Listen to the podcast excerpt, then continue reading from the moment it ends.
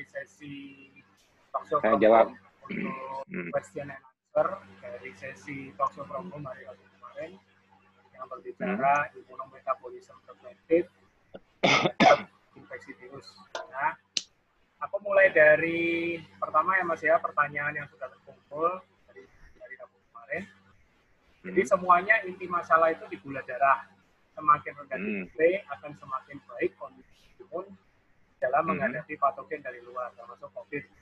Pertanyaannya, kalau kondisinya sudah dari riwayat autoimun, dalam hal ini sudah ber-KF dan GDP-nya juga di bawah 100, apakah eh, oke kah imunnya dan sama enggak kasusnya dengan yang sudah punya sindrom metabolik karena pasti imunnya juga lemot jika berhadapan dengan patogen COVID. Betul, Ah, ah, suara Mas Budi kecil, aku nggak bisa dengar banget. Maksudnya aku dengar sebagian tadi autoimun, terus Kalau Apa yang kondisinya terjadi? kalau kondisinya dari riwayat autoimun eh, hmm, itu gimana eh, kondisi imunnya? Karena kan riwayat riwayat autoimun yang sudah KF atau belum? eh, Sudah. sudah ber-KF dan GDP-nya juga di bawah 100. Sama kalau kasusnya juga sudah ada metabolis sindrom sindrom metabolik. Kalau sudah ber-KF sih nggak ada masalah kalau autoimun.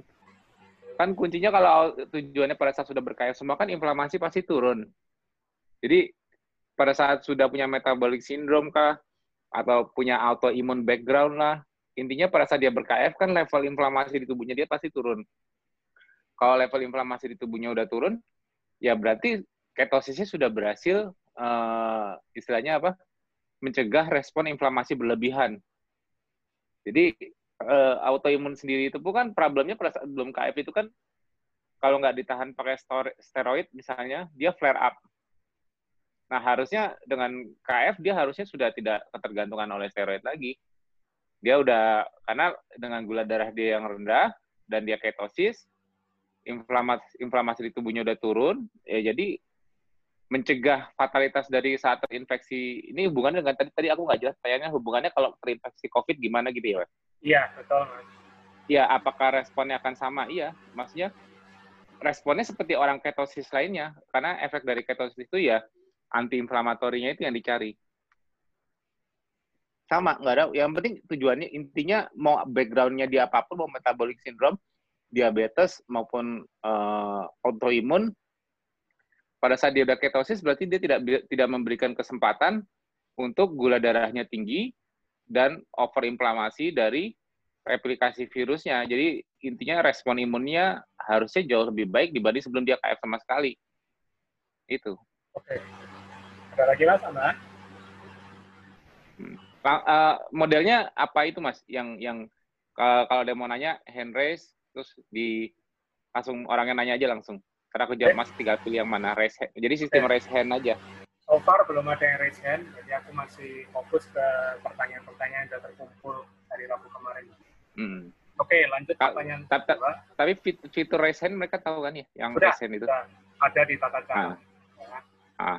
Ah, kemudian pertanyaan kedua dari Mbak Lili Rahma, apakah overinflamasi bisa menyebabkan imun yang rendah atau malah sebaliknya imun rendah bisa menyebabkan yang overinflamasi? Imun rendah itu maksudnya apa ya? Imunnya tidak responsif. apakah mungkin imun imun rendah itu misalnya contohnya gini eh immunosuppression misalnya kayak CD4-nya lebih rendah misalnya gitu kayak kayak kasus HIV kan CD4 dia rendah Ya.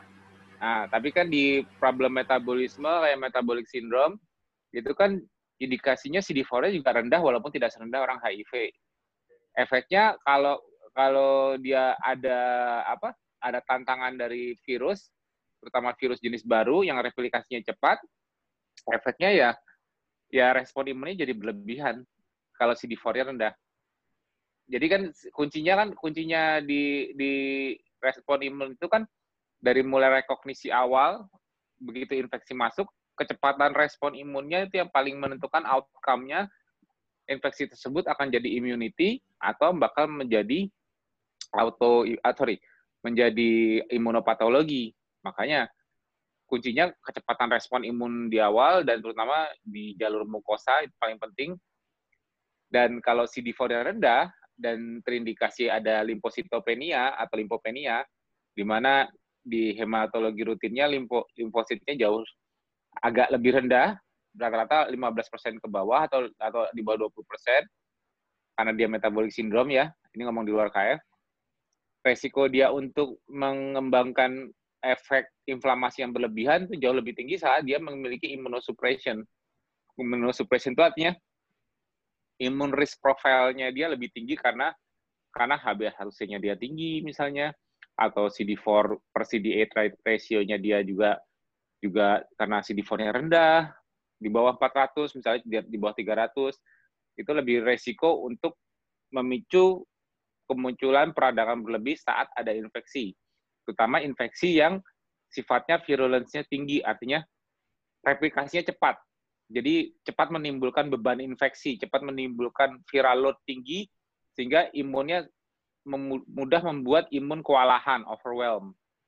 Dan, dan, dan efek efek baliknya, inflamasi yang berlebihan ini yang yang mengarah ke fatalitas dari dari uh, hasil infeksi itu. Uh, ini pertanyaan berikut dari Dr. Fipri, Mas. Kebetulan beliau oh. hadir. Ya. Uh, 80% orang yang terinfeksi COVID ini tidak ada gejala atau gejalanya ada tapi ringan. 15% gejala sedang dan butuh rawat, sedangkan sisanya gejala berat dan butuh ventilator. Nah, Dokter BP mau nanya, kalau yang tanpa gejala atau gejala ringan itu eh, penjelasannya kayak gimana? tanpa gejala atau gejala ringan. Ya. Tapi akhirnya mengembangkan gejala apa enggak? Apa dia akhirnya negatif? Uh, sepertinya mau nanya yang negatifnya itu mengarah ke negatif. Oh, berarti ya imun mereka memang responsif bagus. Artinya biasanya ini terjadi di anak-anak yang masih muda, yang insulin sensitivitasnya masih bagus. Jadi dia respon imunnya lebih cepat, bisa jadi respon imunnya lebih cepat sehingga dia uh, apa namanya tidak sempat membiarkan infeksinya berlangsung lama itu pertama respon imunnya lebih cepat yang kedua hostnya dia sebagai host gula darah dia nggak tinggi sehingga uh, virus tidak cepat replikasi setelah dia menginfeksi. Misalnya dia inkubasi lebih lama dulu karena dia tidak cepat membuat progeny virion baru. Sehingga dia tidak dan dan tidak respon imunnya juga tidak berlebihan karena dia memang masih insulin sensitif. Dan walaupun dia masih makan karbo mungkin dia gula darahnya juga masih bagus. Jadi dia memang bisa bisa non simptomatis tapi kalau virionnya virus yang menginfeksi di awal sempat memproduksi sempat uh, menghasilkan progeni baru yang bisa membuat dia sebagai carrier jadi carrier itu dia non simptomatis tapi dropletnya dia dari dari dari respirasi dia, droplet maupun aerosolnya dia bisa mengandung virus yang bisa menular ke orang lain walaupun dia sendiri belum mengalami respon imun terhadap virus tersebut. Itu kayak gitu. Okay. Tapi tapi itu bisa bisa bisa tiba-tiba muncul gejala dia menjadi parah bisa kalau respon imunnya lambat atau dia clear tanpa gejala. Ya kayak kayak flu biasa, kayak flu biasa itu artinya gini. Kita pernah mungkin uh, kena flu cuma bersin-bersin sebentar, batuk sebentar, terus hilang. Tapi begitu kita pulang ke rumah, orang rumah kita yang lebih nggak kuat imunnya atau dia nggak bisa kontrol gula darahnya, dia benar-benar flu beneran sampai berapa hari demam dan sebagainya. Ini ini contoh kasus seasonal seasonal flu aja. Kita kecepatan imun respon kita dan kemampuan kita jaga gula darah kita membuat kita tidak lama-lama mengalami gejala. Sebetulnya ada gejala, misalnya kayak cuma bersin-bersin, batuk sedikit, udah nggak jadi benar-benar flu, tapi kita sebagai carriernya pada saat kita ke rumah, orang-orang di rumah kita yang nggak mempan, ya misalnya yang yang nggak siap karena dia uh, stres di badannya lebih besar kah, atau gula darah lebih tinggi kah, atau imunnya nggak responsif lah, efeknya dia lebih lebih menunjukkan gejala yang simptomatis, benar-benar dia demam, benar-benar dia meriang, batuk, pilek lebih parah berhari-hari dibanding kita sebagai carriernya itu bisa seperti itu. Oke, uh, ini sekarang uh, pertanyaan berikut dari Mas Warno. Uh, kebetulan beliau hadir, langsung kita Mas Arno, uh, sudah aku unmute. Bukan. Ya, bisa. Monggo Mas, silakan. Ya, pertanyaan yang hari Rabu kemarin ada empat tentang limfosit. Monggo. Mas, Mas Budi, maaf, ya. uh, nggak hafal, saya lupa saya. Oh, oke. Okay. Aku bantu. Nomor satu, bagaimana mempertahankan limfosit selalu di atas 20 persen, Mas? Seperti yang di grafik kemarin. Ya, rata-rata limfosit normalnya harus memang di atas 20 persen. Satu aja sekali, langsung aku jawab. Okay. Yang pertama, limfosit memang rata-rata harusnya 30 persen. Misalnya uh, 20 sampai di atas 20 persen lah ya. Rata-rata kalau nggak salah 30 persen rujuk ke labnya. Ya, memang itu normal. Kadang-kadang orang diabetes pun limfosit juga normal aja tapi kadang-kadang kalau di orang diabetes yang, yang imunosuppression yang tersembunyi di kondisi orang diabetes atau metabolic syndrome atau yang dia nggak sadar bahwa dia obesitas sekalipun bisa bisa di screening. Itu walaupun limfosit dia udah diketahui normal sesuai dengan rujukan di hematologi lengkapnya tapi ternyata nanti dia bisa bisa menemukan saat dia tes CD4-nya ternyata di bawah 400 yang harusnya di atas 400 450 ke atas ini dia di bawah 400 berarti walaupun dengan total limfosit total limfosit itu total sel-sel limfosit T dan B sel itu dia normal kelihatannya, tapi rasio CD4 di kondisi belum infeksi, CD4-nya itu sebagai T helpernya rendah. Nah, kemarin kita ngomong di grup nakes, kalau kata Mbak Eva kan CD4 count lebih gampang di, dihitung dibanding di lab kan lebih gampang dicek CD4 dibanding CD8.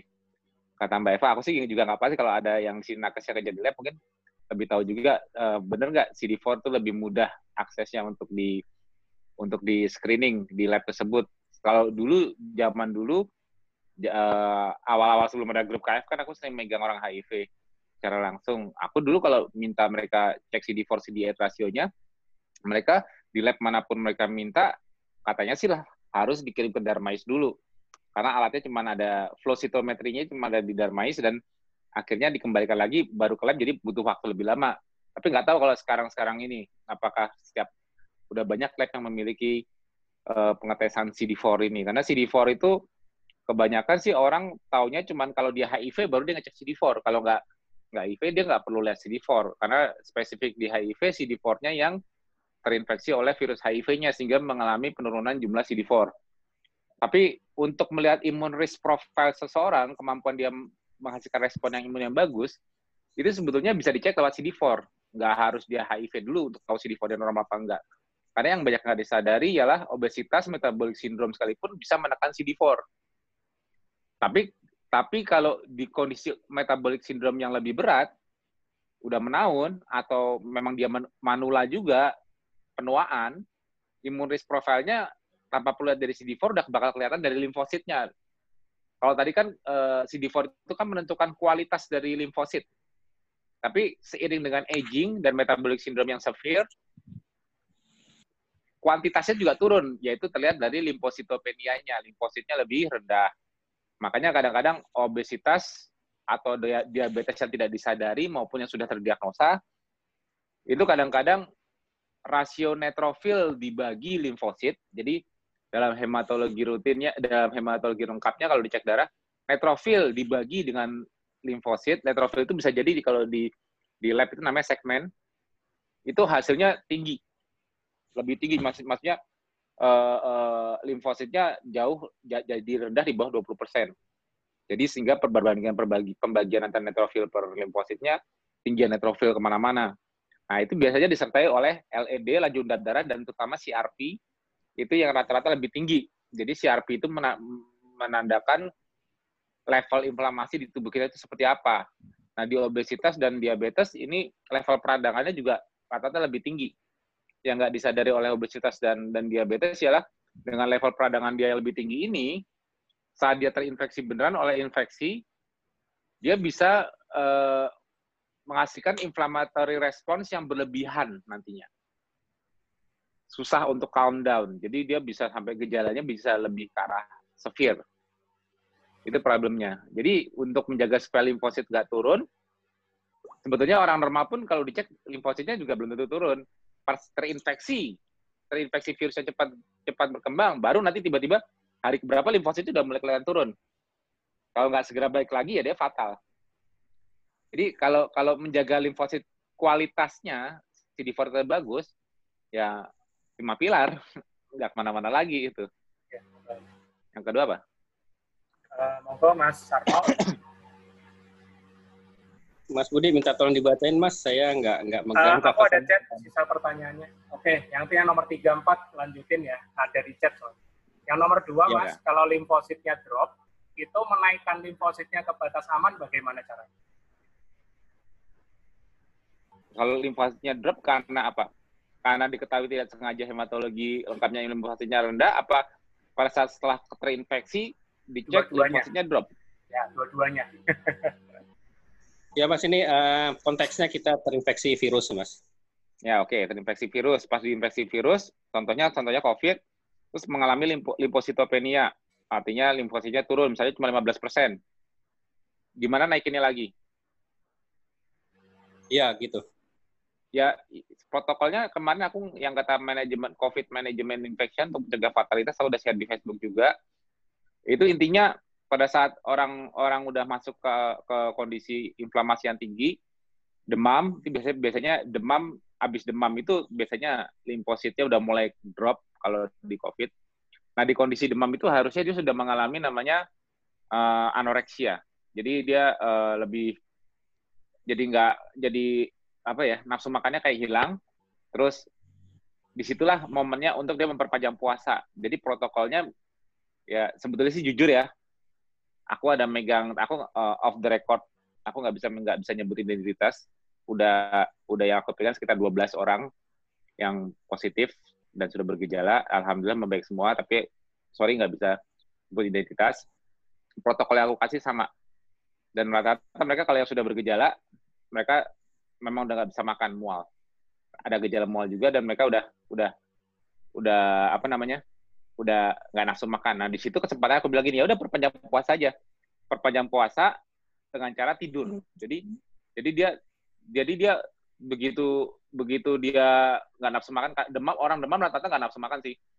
Jadi begitu dia demam, aku suruh dia tidur sampai sore, ya bangun untuk sholat aja kalau yang muslim. Tapi dia benar-benar tidur dan nggak makan, cuma minum, tidur, minum, tidur, minum. Kalau ada IH ya, aku sarankan ada IH, dia IH-nya masuk terus. Kalau kalau untuk khusus untuk COVID, aku suruh tambahkan pakai cotton bud, dioles di IH-nya di hidung, dan dan kalau yang COVID apa enggak, begitu tempel ke hidung langsung ketahuan. Langsung langsung begitu ditempel gitu, nggak nyampe beberapa detik, sampai belakang tenggorokan, sampai paru-paru jadi anget semua. Beberapa begitu tempel ke hidung langsung kayak nyesek, kayak ketarik gitu. Ya, itu berarti imunnya udah bangun untuk siap melawan. Itu nggak apa-apa, nggak usah takut. Itu reaksi pertamanya itu kadang-kadang ngagetin kalau IH di hidung. Tapi kalau nggak ada nggak ada nggak ada infeksi di, di jalur nasofaringel dan paru, memang nggak nggak nggak bakal berasa apa-apa. Tapi kalau yang memang ada infeksi di situ, begitu ditempel nanti dia kayak kayak berasa, itu berarti membangun imunnya untuk respon. Dan dan pastikan jalur jalur detox urin BAB lancar itu udah pasti. Tapi pada saat hari pertama dia start protokolnya ialah dia tidur. Dia tidur bangunnya sore. Sore itu dia kadang-kadang nggak usah aku dia buka tetap nggak aku nggak nggak aku WF kan nggak tapi dia buka dia makan. Tapi dia makan yang biasanya agak lembut-lembut. Kayak misalnya cuman masih nggak nafsu makan mas? Ya udah. Tapi biasanya aku nggak langsung ya udah nggak usah makan tidur lagi sampai ah, biasanya nggak ya tetap makan. Biasanya mereka aku suruh minum kalau nggak bisa makan yang keras kaldu dulu alpukat dulu. Pokoknya apa yang lembut yang bisa ketelan aja atau makan telur dadar dulu apa aja udah. Habis itu gimana? Hi- jaga hidrasi tidur lagi. Jadi kerjanya kerjanya selama dua tiga hari ya rata-rata sih dua hari ya rata-rata hampir semuanya itu cuma dua hari udah clear. Besoknya itu udah udah udah jam jam duaan aja mereka udah udah nggak anoreksianya udah mulai hilang. Mereka tetap panjang puasa tapi anoreksia udah pelan mereka udah mulai lapar. Ini bisa muncul dari kedua atau dari ketiga. Pas hari ketiganya ini rata-rata total hampir sama semua di hari ketiga ya. Tapi ada yang hari kedua juga udah muncul. Mereka udah mulai merasakan nafsu makannya kembali. Dan mereka di saat itu mereka udah enakan.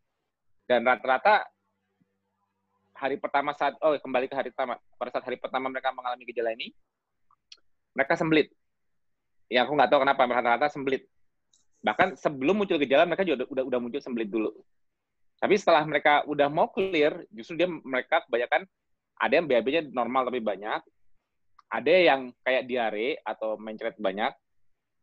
Nah di situ mereka udah dari situ baru mereka eh, kayak jadi lapar habis itu. Jadi kayak nafsu makan udah mulai naik lagi biasanya ini kayak detox besarnya itu di hari kedua, hari ketiga. Mereka udah mulai itu lagi, udah mulai nafsu makan. Nah, di situ mereka bisa ngurangi jendela puasanya tadinya tadinya jatuhnya karena karena mereka nggak nafsu makan, jatuh cuma makan sekali sehari. Ini juga tetap sekali, cuma dia jendela makannya bisa lebih maju. Jam 3 sore atau jam 2 mereka udah makan. Hari ketiga, hari keempatnya, rata-rata mereka udah bener-bener seger, tapi mereka udah produktif. Maksudnya awal-awal demam, produktifnya apa? Mereka ingus, ingus sama dahaknya banyak banget, kayak kayak keran gitu, pakai tisu terus. Nah, di situ mereka tapi di kondisi itu pas mereka lagi produktif gitu mereka lapar.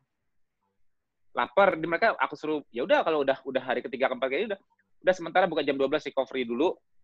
Tapi habis makan tidur lagi ya. Jadi nggak nggak aku suruh apa-apa cuma cuma makan tidur. Jadi selama regimenku itu ngejarnya cuma puasa, recovery, puasa, recovery, puasa, recovery.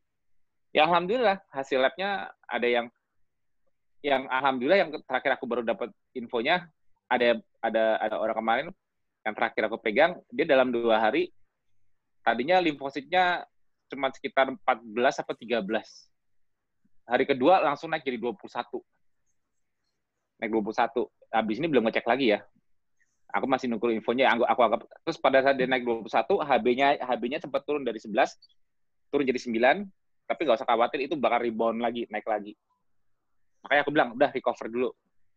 Pokoknya recover dulu makan dulu terus sambil sambil makan tidur makan tidur. Tapi itu rata-rata walaupun dengan makan tidur makan tidur itu mereka paling banyak di hari ketiga keempatnya makannya paling banyak cuma satu setengah kali rata-rata. Kenapa? Mereka kalau udah udah buka makan lebih banyak malamnya cuma bisa ngemil doang. Tapi kadang-kadang ada juga benar-benar makan dua kali karena memang mereka jadi efeknya efek setelah sakit itu ialah lapar tapi aku sarankan tetap di atas jam 12 bukanya tapi kuncinya kuncinya untuk menekan gula darah cepat di hari pertama. Begitu demam, begitu muncul gejala yang pasti dari diikuti anoreksia, jangan kepikiran harus makan untuk tenaga. Jangan, justru di saat itu kamu harus puasa dan tidur. Ikutin karena karena karena kuncinya untuk segera meredam gejala infeksi itu ialah tidur dan tidak makan, tapi tapi kadang-kadang sering bangun untuk minum. Hmm, kadang-kadang kadang-kadang aku juga buat safety-nya aku suruh min, siapin Pocarion water karena aku takut dehidrasi aja. Jadi mereka minum satu botol aja nggak belum tentu habis minum dikit-dikit. Minum dikit-dikit pokoknya karena itu terlalu cepat aku sering nyaranin kayak gitu di kondisi sakit. Alhamdulillah semuanya recovery-nya bagus. Itu itu itu tekniknya dan, dan itu memang langsung terbukti limfositnya langsung naik. Rata-rata nggak nyampe tiga nggak nyampe dua tiga hari limfopenianya langsung ke reverse semua dengan protokolku itu. Oke, okay, not mas. Uh, hmm. Yang ketiga, kemarin kan kita bahas tentang uh, exalted T cell. Nah, pada yeah. exalted T cell itu mitokondrianya tuh disfungsi. Hmm. Nah, kemarin uh, entah saya yang missing atau gimana, uh, itu penyebab mitokondrianya disfungsi pada exalted T cell itu uh, kenapa, Mas ya? Ya, jadi gini. Sebetulnya T cell itu awalnya jadi exalted T cell itu terjadinya di CD8 atau disebutnya T killer cell. Kemarin kan aku cerita. Jadi begitu proses proses proses imun imun, imun normal itu ialah dari mulai dia ketemu antigen oleh APC. APC itu ini kita kalau ngomong spesifik virus COVID berarti kita ngomongnya dendritic cell aja langsung. Karena dendritic cell itu antigen presenting cell yang spesialisasinya terhadap virus. Dia ngambil dia mengcapture virus dari mukosa, dikirim ke jalur limno terdekat, dipresentasikan kepada CD4 dan dan CD8 yang ada di yang ada di lymph node itu juga nanti dia bisa presentasi ke uh, B cell. Pada saat sudah dipresentasikan dan sudah ada respon, mereka oh confirm itu itu patogen. Mereka inisiasi serangan. CD4 sebagai T helpernya dia uh, bakal berubah menjadi TH1 cellular mediated. Jadi jadi uh, kalau ada infeksi, kalau ada virus yang sudah masuk ke dalam sel epitel paru juga, TH1 itu atau cellular mediated itu fungsinya ialah membuat CD4 sebagai jenderalnya memerintahkan CD8, CD8 sebagai killer T cell-nya untuk maju menyerang. Jadi dia sifatnya CD8 ini ialah mencari sel-sel mana yang di permukaan selnya menunjukkan antigen musuh. Artinya antigen antigen patogen ada di permukaan selnya karena kalau sel normal kita seperti epitel epitel epitel sel paru itu terinfeksi, dia bakal meng, mem, mem, merubah MHC1 yang tadinya normal menjadi berubah menjadi memberikan digestinya bahwa di dalam tubuh gue ini ada ada infeksi loh. Nah, ini yang yang dijadikan target oleh CD8 sebagai perintah normalnya untuk menghancurkan sel tersebut. Ini namanya cellular mediated immunity TH1. Jadi sel killer cell menyerang sel terinfeksi. Lalu CD4 juga bisa berubah menjadi TH2. Jadi dia punya dua phenotype. Satu menjadi memberikan perintah untuk cellular mediated immunity. Istilahnya dia menyuruh TH apa menyuruh CD8 killer untuk menyerang. Terus dia juga bisa menyuruh B cell. B cell itu pabrik antibody. Ini, ini namanya humoral. TH2 itu humoral immunity response. Jadi dia menyuruh B cell, B cell-nya juga udah, udah mendapatkan presentasi antigen dari dendritik, bisa udah tahu cara membuat antibodi yang bakal klop dengan antigen dari patogen tersebut, yaitu biasanya biasanya targeting targetingnya untuk uh, apa IgG IgG atau IgM-nya yang dihasilkan oleh siapa? Si plasma plasma B cell itu dibuat untuk ngeplak ngeplak itu lock and key dengan spike-nya virus rata-rata spike virus atau uh, nukleokapsid jadi dia ngeplak sama nukleokapsid virus atau spike virus rata seperti itu. Tapi antibodi sih bisa mengincar bagian mana aja, misalnya membran proteinnya, envelope proteinnya bisa. Tapi kalau di COVID ini penelitian terbarunya dari rata-rata yang dihasilkan di IgG dan IgM yang sudah survivornya COVID, rata-rata ngeplaknya ke spike-nya maupun ke nukleokapsid, rata-rata seperti itu. Sensitivitasnya itu di situ. Makanya rapid rapid test yang buat ngecek IgG IgM itu biasanya nyari probe-nya berdasarkan uh, ELISA-nya berdasarkan uh, tipe monoklonal antibody yang ngeplak sesuai nggak dengan dengan virus COVID yang di N-nya maupun di S-nya, spike atau nukleokapsidnya. Itu untuk tahu positif atau enggaknya. Itu itu kayak gitu kalau dari plasma bisa. Jadi TH2 itu ialah respon CD4 yang yang melek dan memerintahkan B cell berubah menjadi plasma B cell.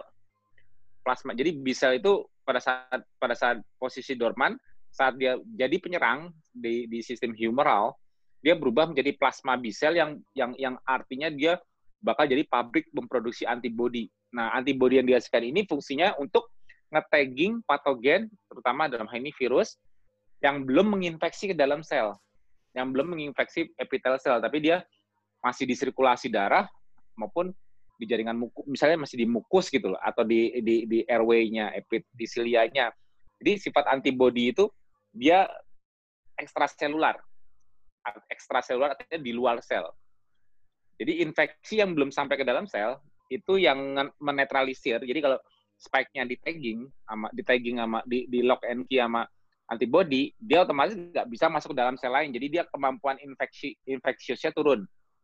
Tapi tagging ini, tagging tagging antibody ini juga membuat sisi sisi lain dari antibody itu sebagai homing signal bagi kedatangan sel imun lain untuk ngancurin siapa pun yang di tagging dia ini. Contohnya oleh makrofag, oleh complement system, NK cell juga bisa, neutrofil juga bisa. Pokoknya membuat imun-imun sistem jadi jadi uh, ngejar siapa pun yang di tag oleh antibody. Jadi nge-clear fungsi antibodi ialah mengklirkan virus sebelum menginfeksi ke dalam sel. Tapi kalau bagi sel yang sudah terinfeksi, tadi itu cellular mediated immunity, TH1. Itu itu yang killer T cell yang yang mencari mana yang terinfeksi dan dia menghancurkan. Itu seperti itu. Nah, efek dari T cell exhaustion ini terjadi di rata-rata awalnya di CD8, terus impact-nya juga di CD4. CD4 dan CD8 dua-duanya terimpact. Makanya total nggak usah lihat kuantitas, sorry, nggak usah lihat kualitasnya lewat CD4 per CD8, secara kuantitasnya dari total subset limfositnya pun sudah turun. Makanya disebut limfovenia, neutrofilnya yang lebih dominan. Nah, limfosit yang menurun ini menunjukkan banyak T-cell yang hancur, CD4 maupun CD8. Nah, hancurnya mereka ini sebetulnya karena energi.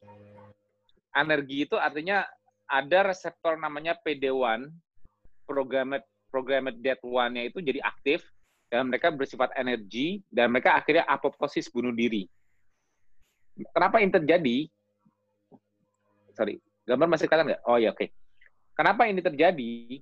Karena karena mereka uh, dominannya itu tadinya itu begitu mereka aktif, jadi T cell itu begitu begitu dari posisi question tuh yang ada gambarnya tuh Mas Budi kasih. Posisi question itu artinya atau naive T cell itu artinya dia diam. Terus diaktifasi untuk menjadi efektor. Efektor itu artinya dia jadi pembunuh killer T cell karena dia sudah diaktifkan oleh sitokin. Sitokin itu sinyal yang dikasih oleh T helper CD4 supaya CD8-nya bergerak. Itu udah merubah dia menjadi efektor. Itu dia berubah bakal menggunakan namanya glycolysis.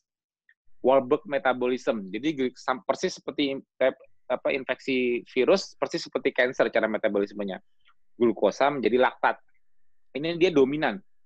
Karena dengan dengan dia menggunakan itu, dia juga bisa proliferate. Proliferate artinya dia membelah diri. Jadi banyak misalnya. Karena untuk pembelahan sel yang cepat tetap dibutuhkan glukosa. Nah, pada saat dia membelah cepat ini, dia nggak keep up dengan beban infeksinya, beban jumlah jumlah sel yang terinfeksi, sehingga sehingga dia mengalami exhaustion. Exhaustion itu kayak keletihan. Nah, kalau dia keletihan kayak gini, dia nggak bisa switch back ox oxidative phosphorylation. Akhirnya dia energi. Jadi, jadi dia dia tadinya pakai glikolisis. Tadinya kan dia kan bypass mitokondria. Di kondisi question, question itu diam, dorman. Kan dia kan menggunakan mitokondria. Jadi dia bisa pakai glukos maupun fatty acid untuk menghasilkan ATP di mitokondria. Tapi pada saat dia jadi efektor, dia totally totally use glikolisis, glukosa. Tapi dia nggak bisa kembali lagi menggunakan mitokondria karena dia uh, apa ya exhaustion gitu, keletihan. Nah, mitokondrianya ini rata-rata mereka mitokondrianya sudah mengalami perubahan morfologi secara morfologi dan juga penurunan densitasnya juga kelihatan. Jadi artinya kualitas mitokondrianya menurun. Sehingga dia menjadi sel yang tidak ada gunanya. Nah, pada saat dia mengalami hal ini, dia tidak bisa switch menjadi menjadi normal kembali, dia menghancurkan diri, apoptosis, bunuh diri. Makanya aktif itu programmed cell death, PD1, ligannya jadi aktif, dan dia akhirnya menghancurkan diri, mati. Jadi jadi penurunan limfosit, terjadinya limfofenia itu karena banyak T cell ini yang hancur. Hancurnya itu karena mereka bunuh diri sendiri. Karena mereka keletihan, exhaustion, karena begitu mereka merespon beban beban infeksinya sudah terlalu banyak. Kenapa ini? Jadi jadi ini penyebab T cell exhaustion ya. Tapi yang menyebabkan ini di awalnya kenapa? Tadi kan aku ini kan nunjukin imun respon yang normal, terus kejadian kenapa ada T cell exhaustion. Jadi mundur lagi ke belakang. Nah, apa yang menyebabkan T cell exhaustion ini lebih mungkin terjadi?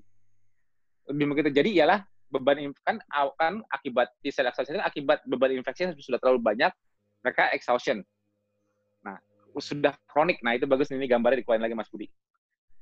Sudah terlalu kronik, sudah, sudah, sudah terlalu banyak beban infeksi. Jadi, kuncinya mencegah T-cell exhaustion ini cuma satu. Respon imun di awal tuh harus cepat. Kuncinya ialah speed, kecepatan. Jadi jadi jangan membiarkan infeksinya berkembang lebih cepat dulu. Ya, udah jelas ya, hiperglikemia, itu pasti mendukung atau hiperinsulinemia mendukung replikasi yang cepat dari virus. Kalau viral tidak terlalu keburu banyak, ini yang bisa menyebabkan T cell exhaustion lebih cepat terjadi. Jadi limfositnya drop. Nah, ini membuat kemampuan T cell untuk mengatur menjadi anti-inflamatorinya turun. Karena dari total subsetnya limfosit turun, otomatis uh, populasi Treg, Treg itu CD4 yang fungsinya sebagai regulasi di mana kalau populasi ini muncul namanya CD4 plus FOXP3 ini muncul itu inflamasi down regulate semua. Jadi populasinya ini tuh kalau limfositopenia itu karena karena menunjukkan subset suatu populasi populasi kalau dia turun dia turun semua termasuk T-regnya tadi itu. T, T regulatornya juga ikut turun. Jadi yang dominan pasti siapa? Kalau kalau kalau kalau adaptif adaptif timnya, tim adaptifnya T turun semua, yang dominan siapa? Yang dominan kan makrofag, yeah. Uh, neutrofil, pokoknya semua elemen innate primitifnya itu yang paling dominan dan mereka kerjanya selalu semua inflamasi. Kerjanya inflamatori semua. Baris depan itu kerjanya inflamatori semua. Jadi jadi inflamatori respon itu memang dibutuhkan sebagai respon imun di awal yang menyebabkan menjadi fatal karena nggak ada yang menghentikan mereka. Jadi okay. mereka dominan, mereka yang ngerjain semua. Sedangkan mereka ngerjainnya selalu dengan sistemnya peradangan. Ini yang efeknya efeknya merusak ke seluruh ke seluruh sel yang lokasi infeksi itu merusak. Jadi epitel selnya bisa bisa uh, karena banyak sel mati jadi kayak menebal, bisa muncul edema, terus muncul apa hyalin membran yang aku bilang kemarin itu kayak membran liquid viskos itu yang tebal itu juga makin makin membuat apa mempersempit alveolar alveoli alveolinya makin sempit sehingga oksig, difusi oksigen juga makin susah nafas makin sesak lebih cepat menuju ke distress distress respirasi otomatis ya akhirnya jadi akut respiratory distress syndrome nah itu udah fatal. Nah itu udah fatal udah mereka harus lapor. Oke mas. Yang terakhir mas terkait dengan metabolisme. Uh, replika virus ini kan kalau untuk menahannya itu kan AMPK harus tinggi ya dan kita menekan mTOR nah kalau uh, terjadi intermittent hipoksia itu kan AMPK tinggi ya. Itu berarti bisa menekan replika virus ya.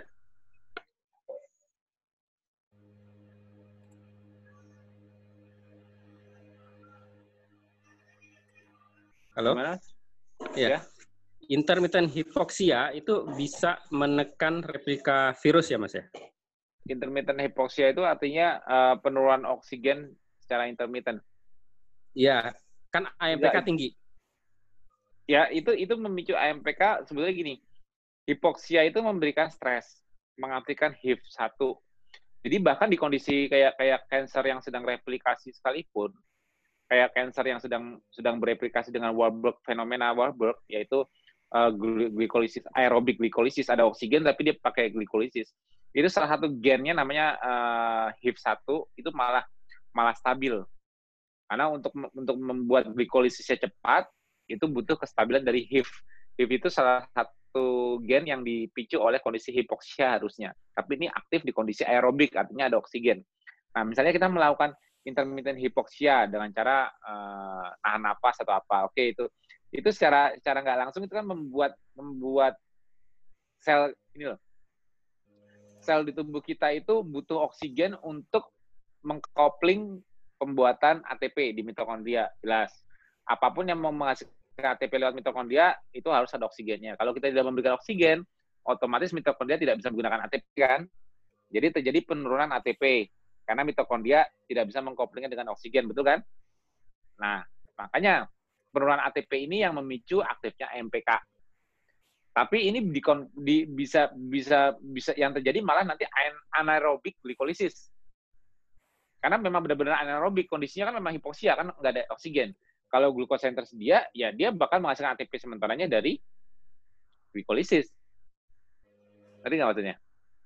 Tujuannya intermittent hipoksia itu kan tadinya kan untuk mengaktifkan AMPK, betul. AMPK oh, AMPK ya. bakal nyala karena stres gitu loh. Jadi AMPK itu bakal AMPK itu nyala gara-gara rasio AT rasio ATP per, sorry AMP per ATP-nya itu tinggi. Berarti AMP lebih tinggi dibanding ATP. Berarti ATP rendah, tapi e, molekul yang buat menerima ATP-nya banyak. Yang membuat jadi calon jadi ATP-nya prekursornya AMP atau ADP itu lebih banyak dibanding yang sudah terkopling dengan fosfat di di di mana?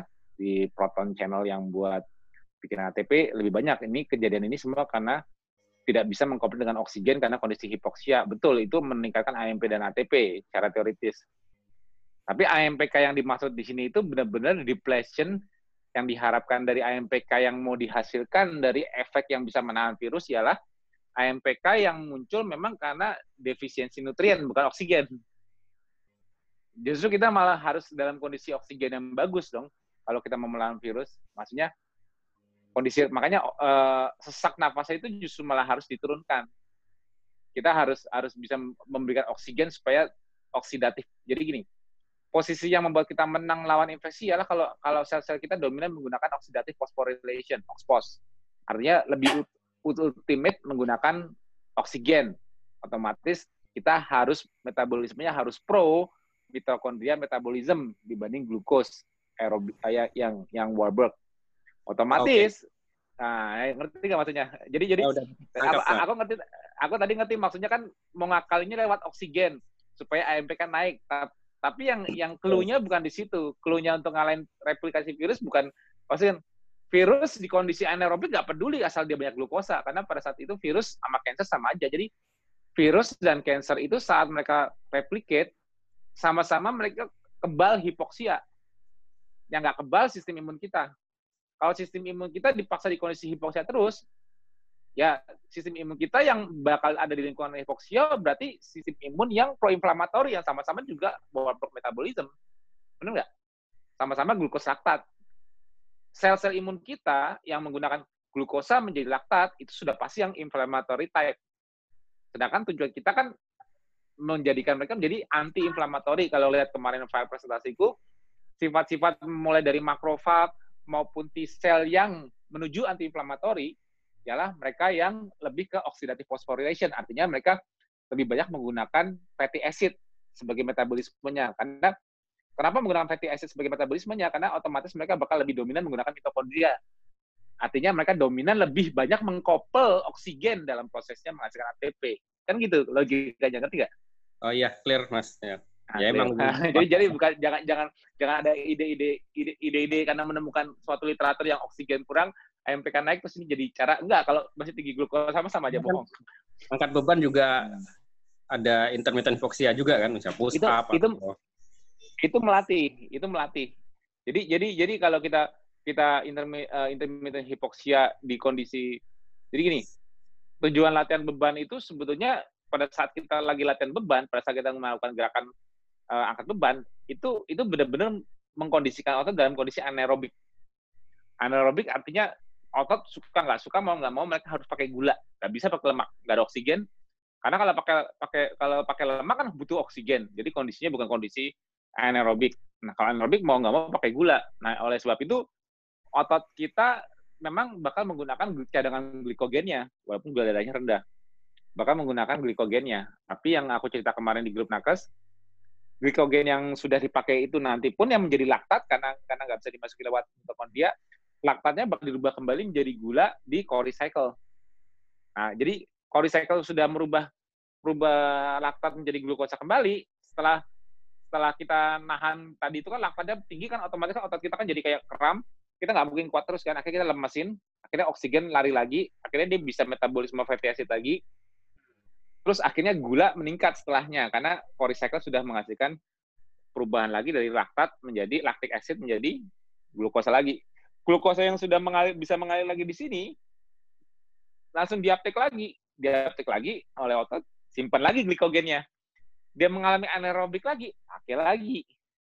Nah, itu itu itu sebenarnya melatih di situnya. Jadi kita melatih melatih eh, kemampuan otot untuk jadi efek dari resistant training itu ialah kita memperba mem memperbagus kemampuan kita storing glikogen.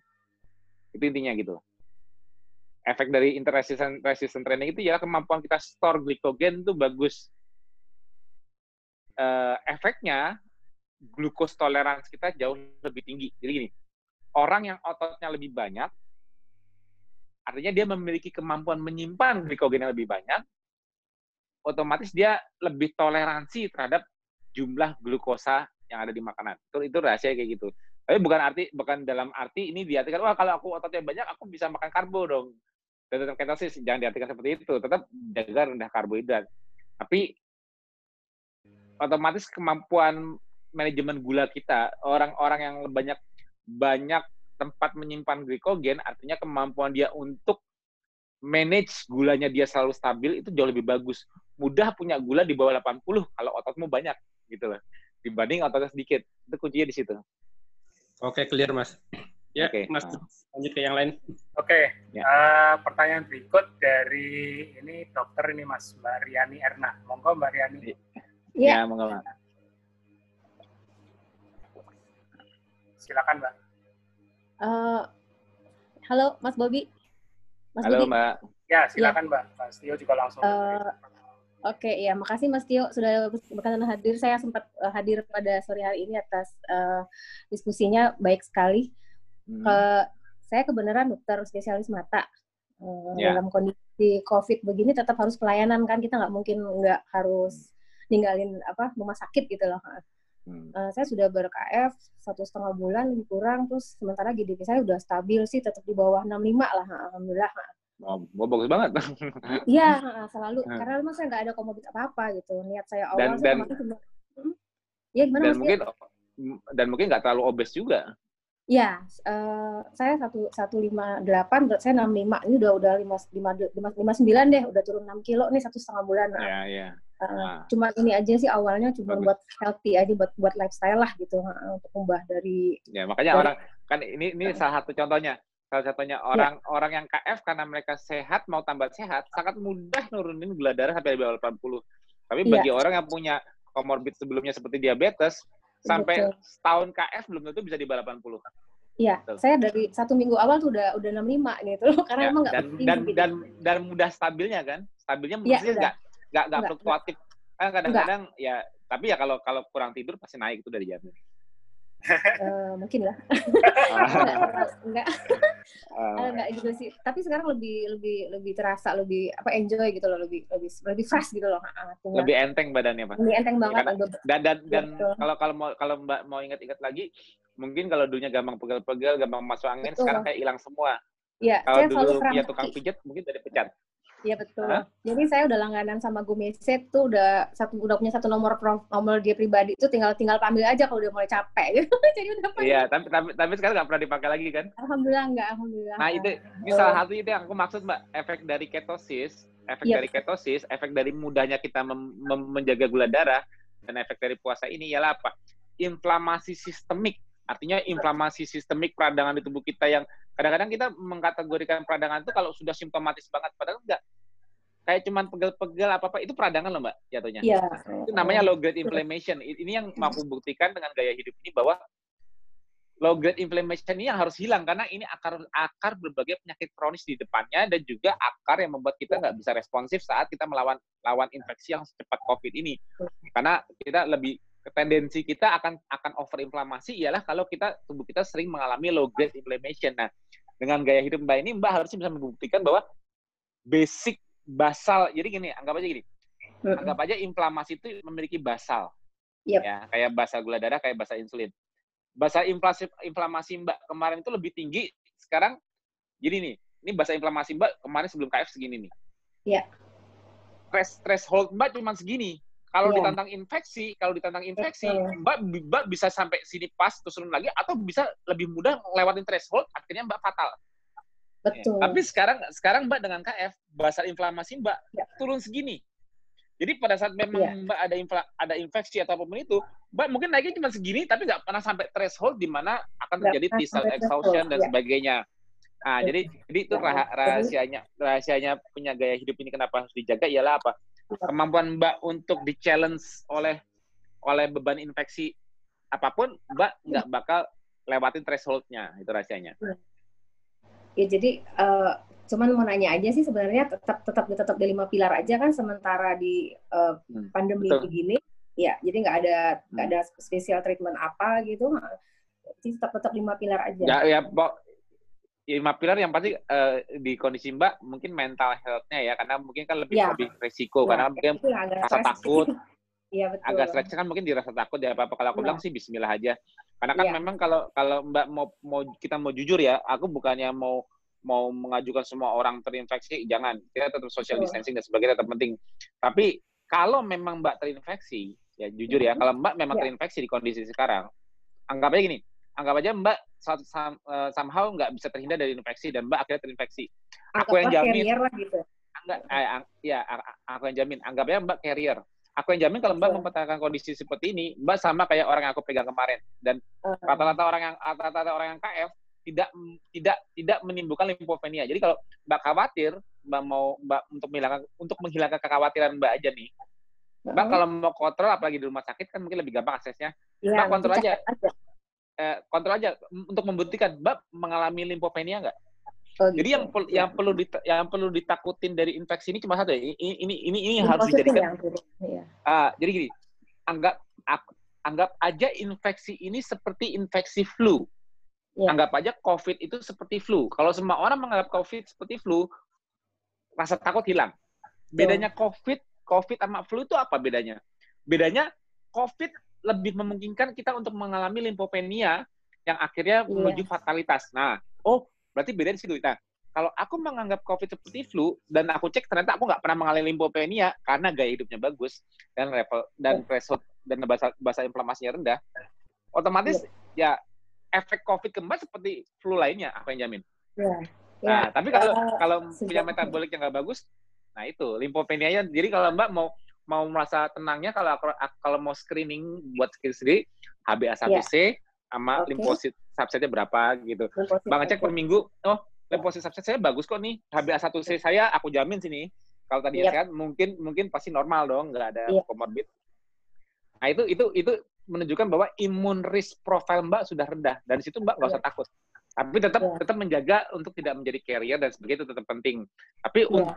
Rasa takut rasa takutnya muncul dari mental health problem itu kalau rasa takut kita bakal kalah.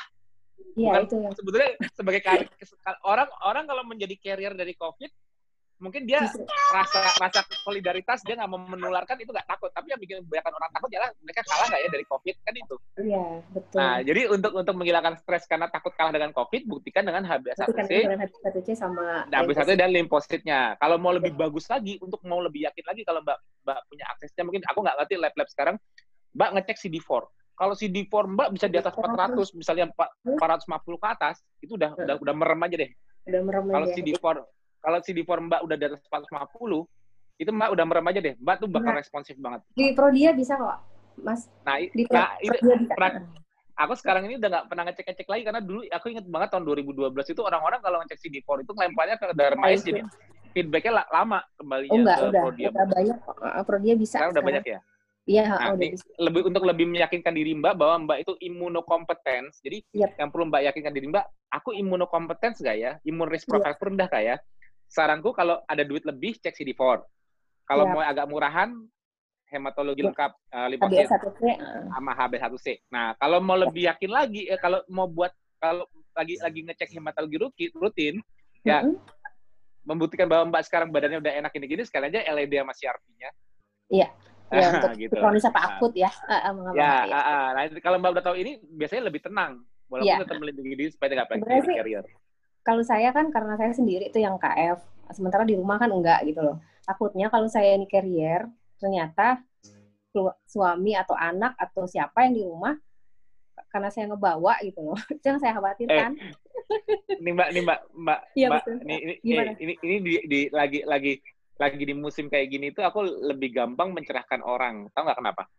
Ya gimana? Karena aku lebih gampang ini mencerahkan orang yang tadinya dia belum KF jadi KF kenapa? Gampang aku sehat aja aku nggak perlu KF kan aku udah bilang rata-rata orang sekarang imun risk profile ini ini ini kesempatan nih kesempatan bagi iya, orang ya, bagi jadi bagian jadi jadi campaign KF merubah gaya ya, hidup betul. keluarganya ialah maksudnya gini. Mas Tio tadi cerita mengenai imun risk profile. Jadi COVID itu berbahaya kalau imun risk profile kita itu resikonya tinggi. Cara mengeceknya gimana? Paling gampang gini kalau gula darah harian mereka dengan mudahnya bisa bilang, oh ini coba nih gula darahku cuma 100, 110, cuma 95, yeah. mereka masih fine. Tapi paling gampang ialah screening HbA1c. Yeah, Kadang-kadang orang nggak sadar, nggak sadar kalau mereka sudah pre-diabetes, asal udah di atas 6, udah 6 setengah yeah. ke atas, sudah itu nggak sadar. Aku yakin kalau apalagi kalau BMI-nya udah mulai orang rumah BMI-nya udah mulai kelihatan, perutnya udah mulai gitu, kemungkinan besar mereka punya HbA1c tinggi itu lebih tinggi lebih dan Mbak Mbak jelaskan ke orang rumah nih orang banyak yang merasa sehat tapi pas di screening HbA1c tinggi. Sedangkan ya. HbA1c itu menunjukkan kemampuan seseorang memanage gulanya selama tiga bulan terakhir, bukan bulan. hanya sesaat. Oh saya habis makan masih normal kok. Kadang-kadang orang kan hanya mengacu dari gula darah harian pagi atau gula darah, tapi kan dia nggak benar-benar nggak tahu selama ini berapa selama tiga bulan ya ya karena karena itu kan yang menentukan HbA1c itu kan mewakili berapa banyak hemoglobin yang terglikasi artinya lengket. Gini mbak. Hb, kan gini HbA1c itu HbA1c itu ya kan hemoglobin itu kan protein. Yeah. dia kalau dia itu bakal glukosa itu bakal reaktif lengket tanpa enzim tanpa proses enzimatik ke, ke ke protein ini saat konsentrasinya tinggi. Jadi kalau dia yeah. sering sering mengalami lompatan konsentrasi gula tinggi, entah dia habis makan apa, makan apa dari selama gaya hidupnya tiga bulan terakhir, screening toolsnya ialah berapa banyak protein yang terlengketi. Oke? Okay? Iya. Nah, nah kalau ini logikanya mereka harus ngerti dulu nih yang mau dicerahkan. Oke okay, ya, ini terlengketi ya. Ini baru baru HB-nya yang terlengketi. Tapi di seluruh tubuh kita protein nggak cuma HB. Kita kita sekarang ini di lab punya tools untuk men-screening HB mana yang terlengketi gula. Hmm. Tapi tahu nggak efeknya kalau HB satu tinggi? Protein mana lagi yang terlengketi, terutama di situasi virus seperti sekarang. Yang aku bilang tadi ke Mas Arnold, outcome dari suatu infeksi menjadi immunity atau imunopatologi cuma satu, ialah hmm. respon imun. Respon yeah. imun artinya kita butuh speed. Anggap aja kita memang terkena. Tapi kita kalau speednya cepat, speed meresponnya cepat, beban infeksi udah pasti rendah. Sebelum yeah. dia mau ngapa-ngapain udah udah kita udah menang. Kalau kita telat me, me, me, merespon, otomatis beban infeksinya jadi banyak, otomatis bisa memicu tadi aku ceritakan Mas Arnold ialah T cell exhaustion. Nah, limfositopenia. Oke. Okay. Nah, kita kan udah tahu arah alurnya ke mana nih. Oke. Okay. Nah, tahu nggak efek dari HbA1c tinggi kalau ternyata kita bisa membuktikan keluarga kita yang belum KF ternyata manajemen gulanya nggak bagus. Iya. Efeknya ialah di innate immune system. Mas Budi bisa ngeluarin uh, itu nggak apa makrofag reseptornya. Tapi kalau ya gini aja. Oke, gampang gini Mbak. Uh, jadi Iya. kunci merespon itu ada di ada di dendritic cell, ada di makrofag. Mereka sebagai sel imun di balik mukosa. Jadi gini, masuknya COVID, masuknya SARS-CoV-2 ini ialah melalui airways. Airways itu maksudnya ya. lewat nasal, lewat rongga mulut, tapi dia uh, tapi dia lebih lebih lebih lebih lebih banyak tipe yang SARS ini lebih banyak menginfeksinya ke S2 yang di, di dasar paru, alveoli. Makanya dia ya, makanya makanya dia lebih lebih lebih senang nempelnya di sana. Iya. Jadi kuncinya itu ialah bagaimana supaya sel-sel imun di balik epitel sel paru alveoli ini cepat merespon. Nah, di bawah ini siapa yang harus merespon cepat? Itu namanya dendritic cell. Dendritic cell itu ialah sel yang ngambil antigen, semakin cepat dia ngambil dan semakin ya semakin cepat dia mempagositosis virus dan mempresentasikannya ke adaptif imun respons seperti T cell, iya.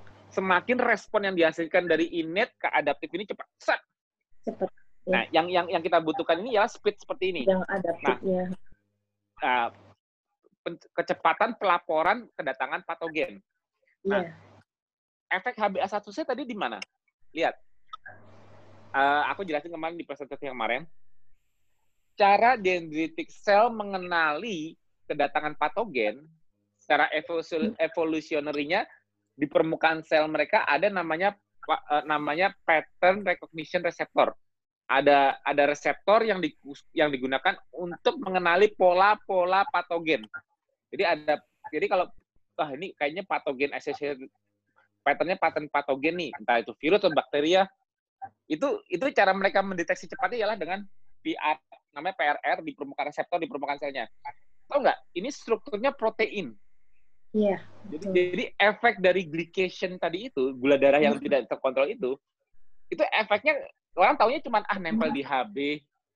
Itu di HB itu cuma mewakili mewakili kemampuan gula semakin tinggi semakin tinggi HbA1c artinya semakin tinggi kemampuan gula untuk melengketi berbagai protein lain di tubuh yang punya fungsi.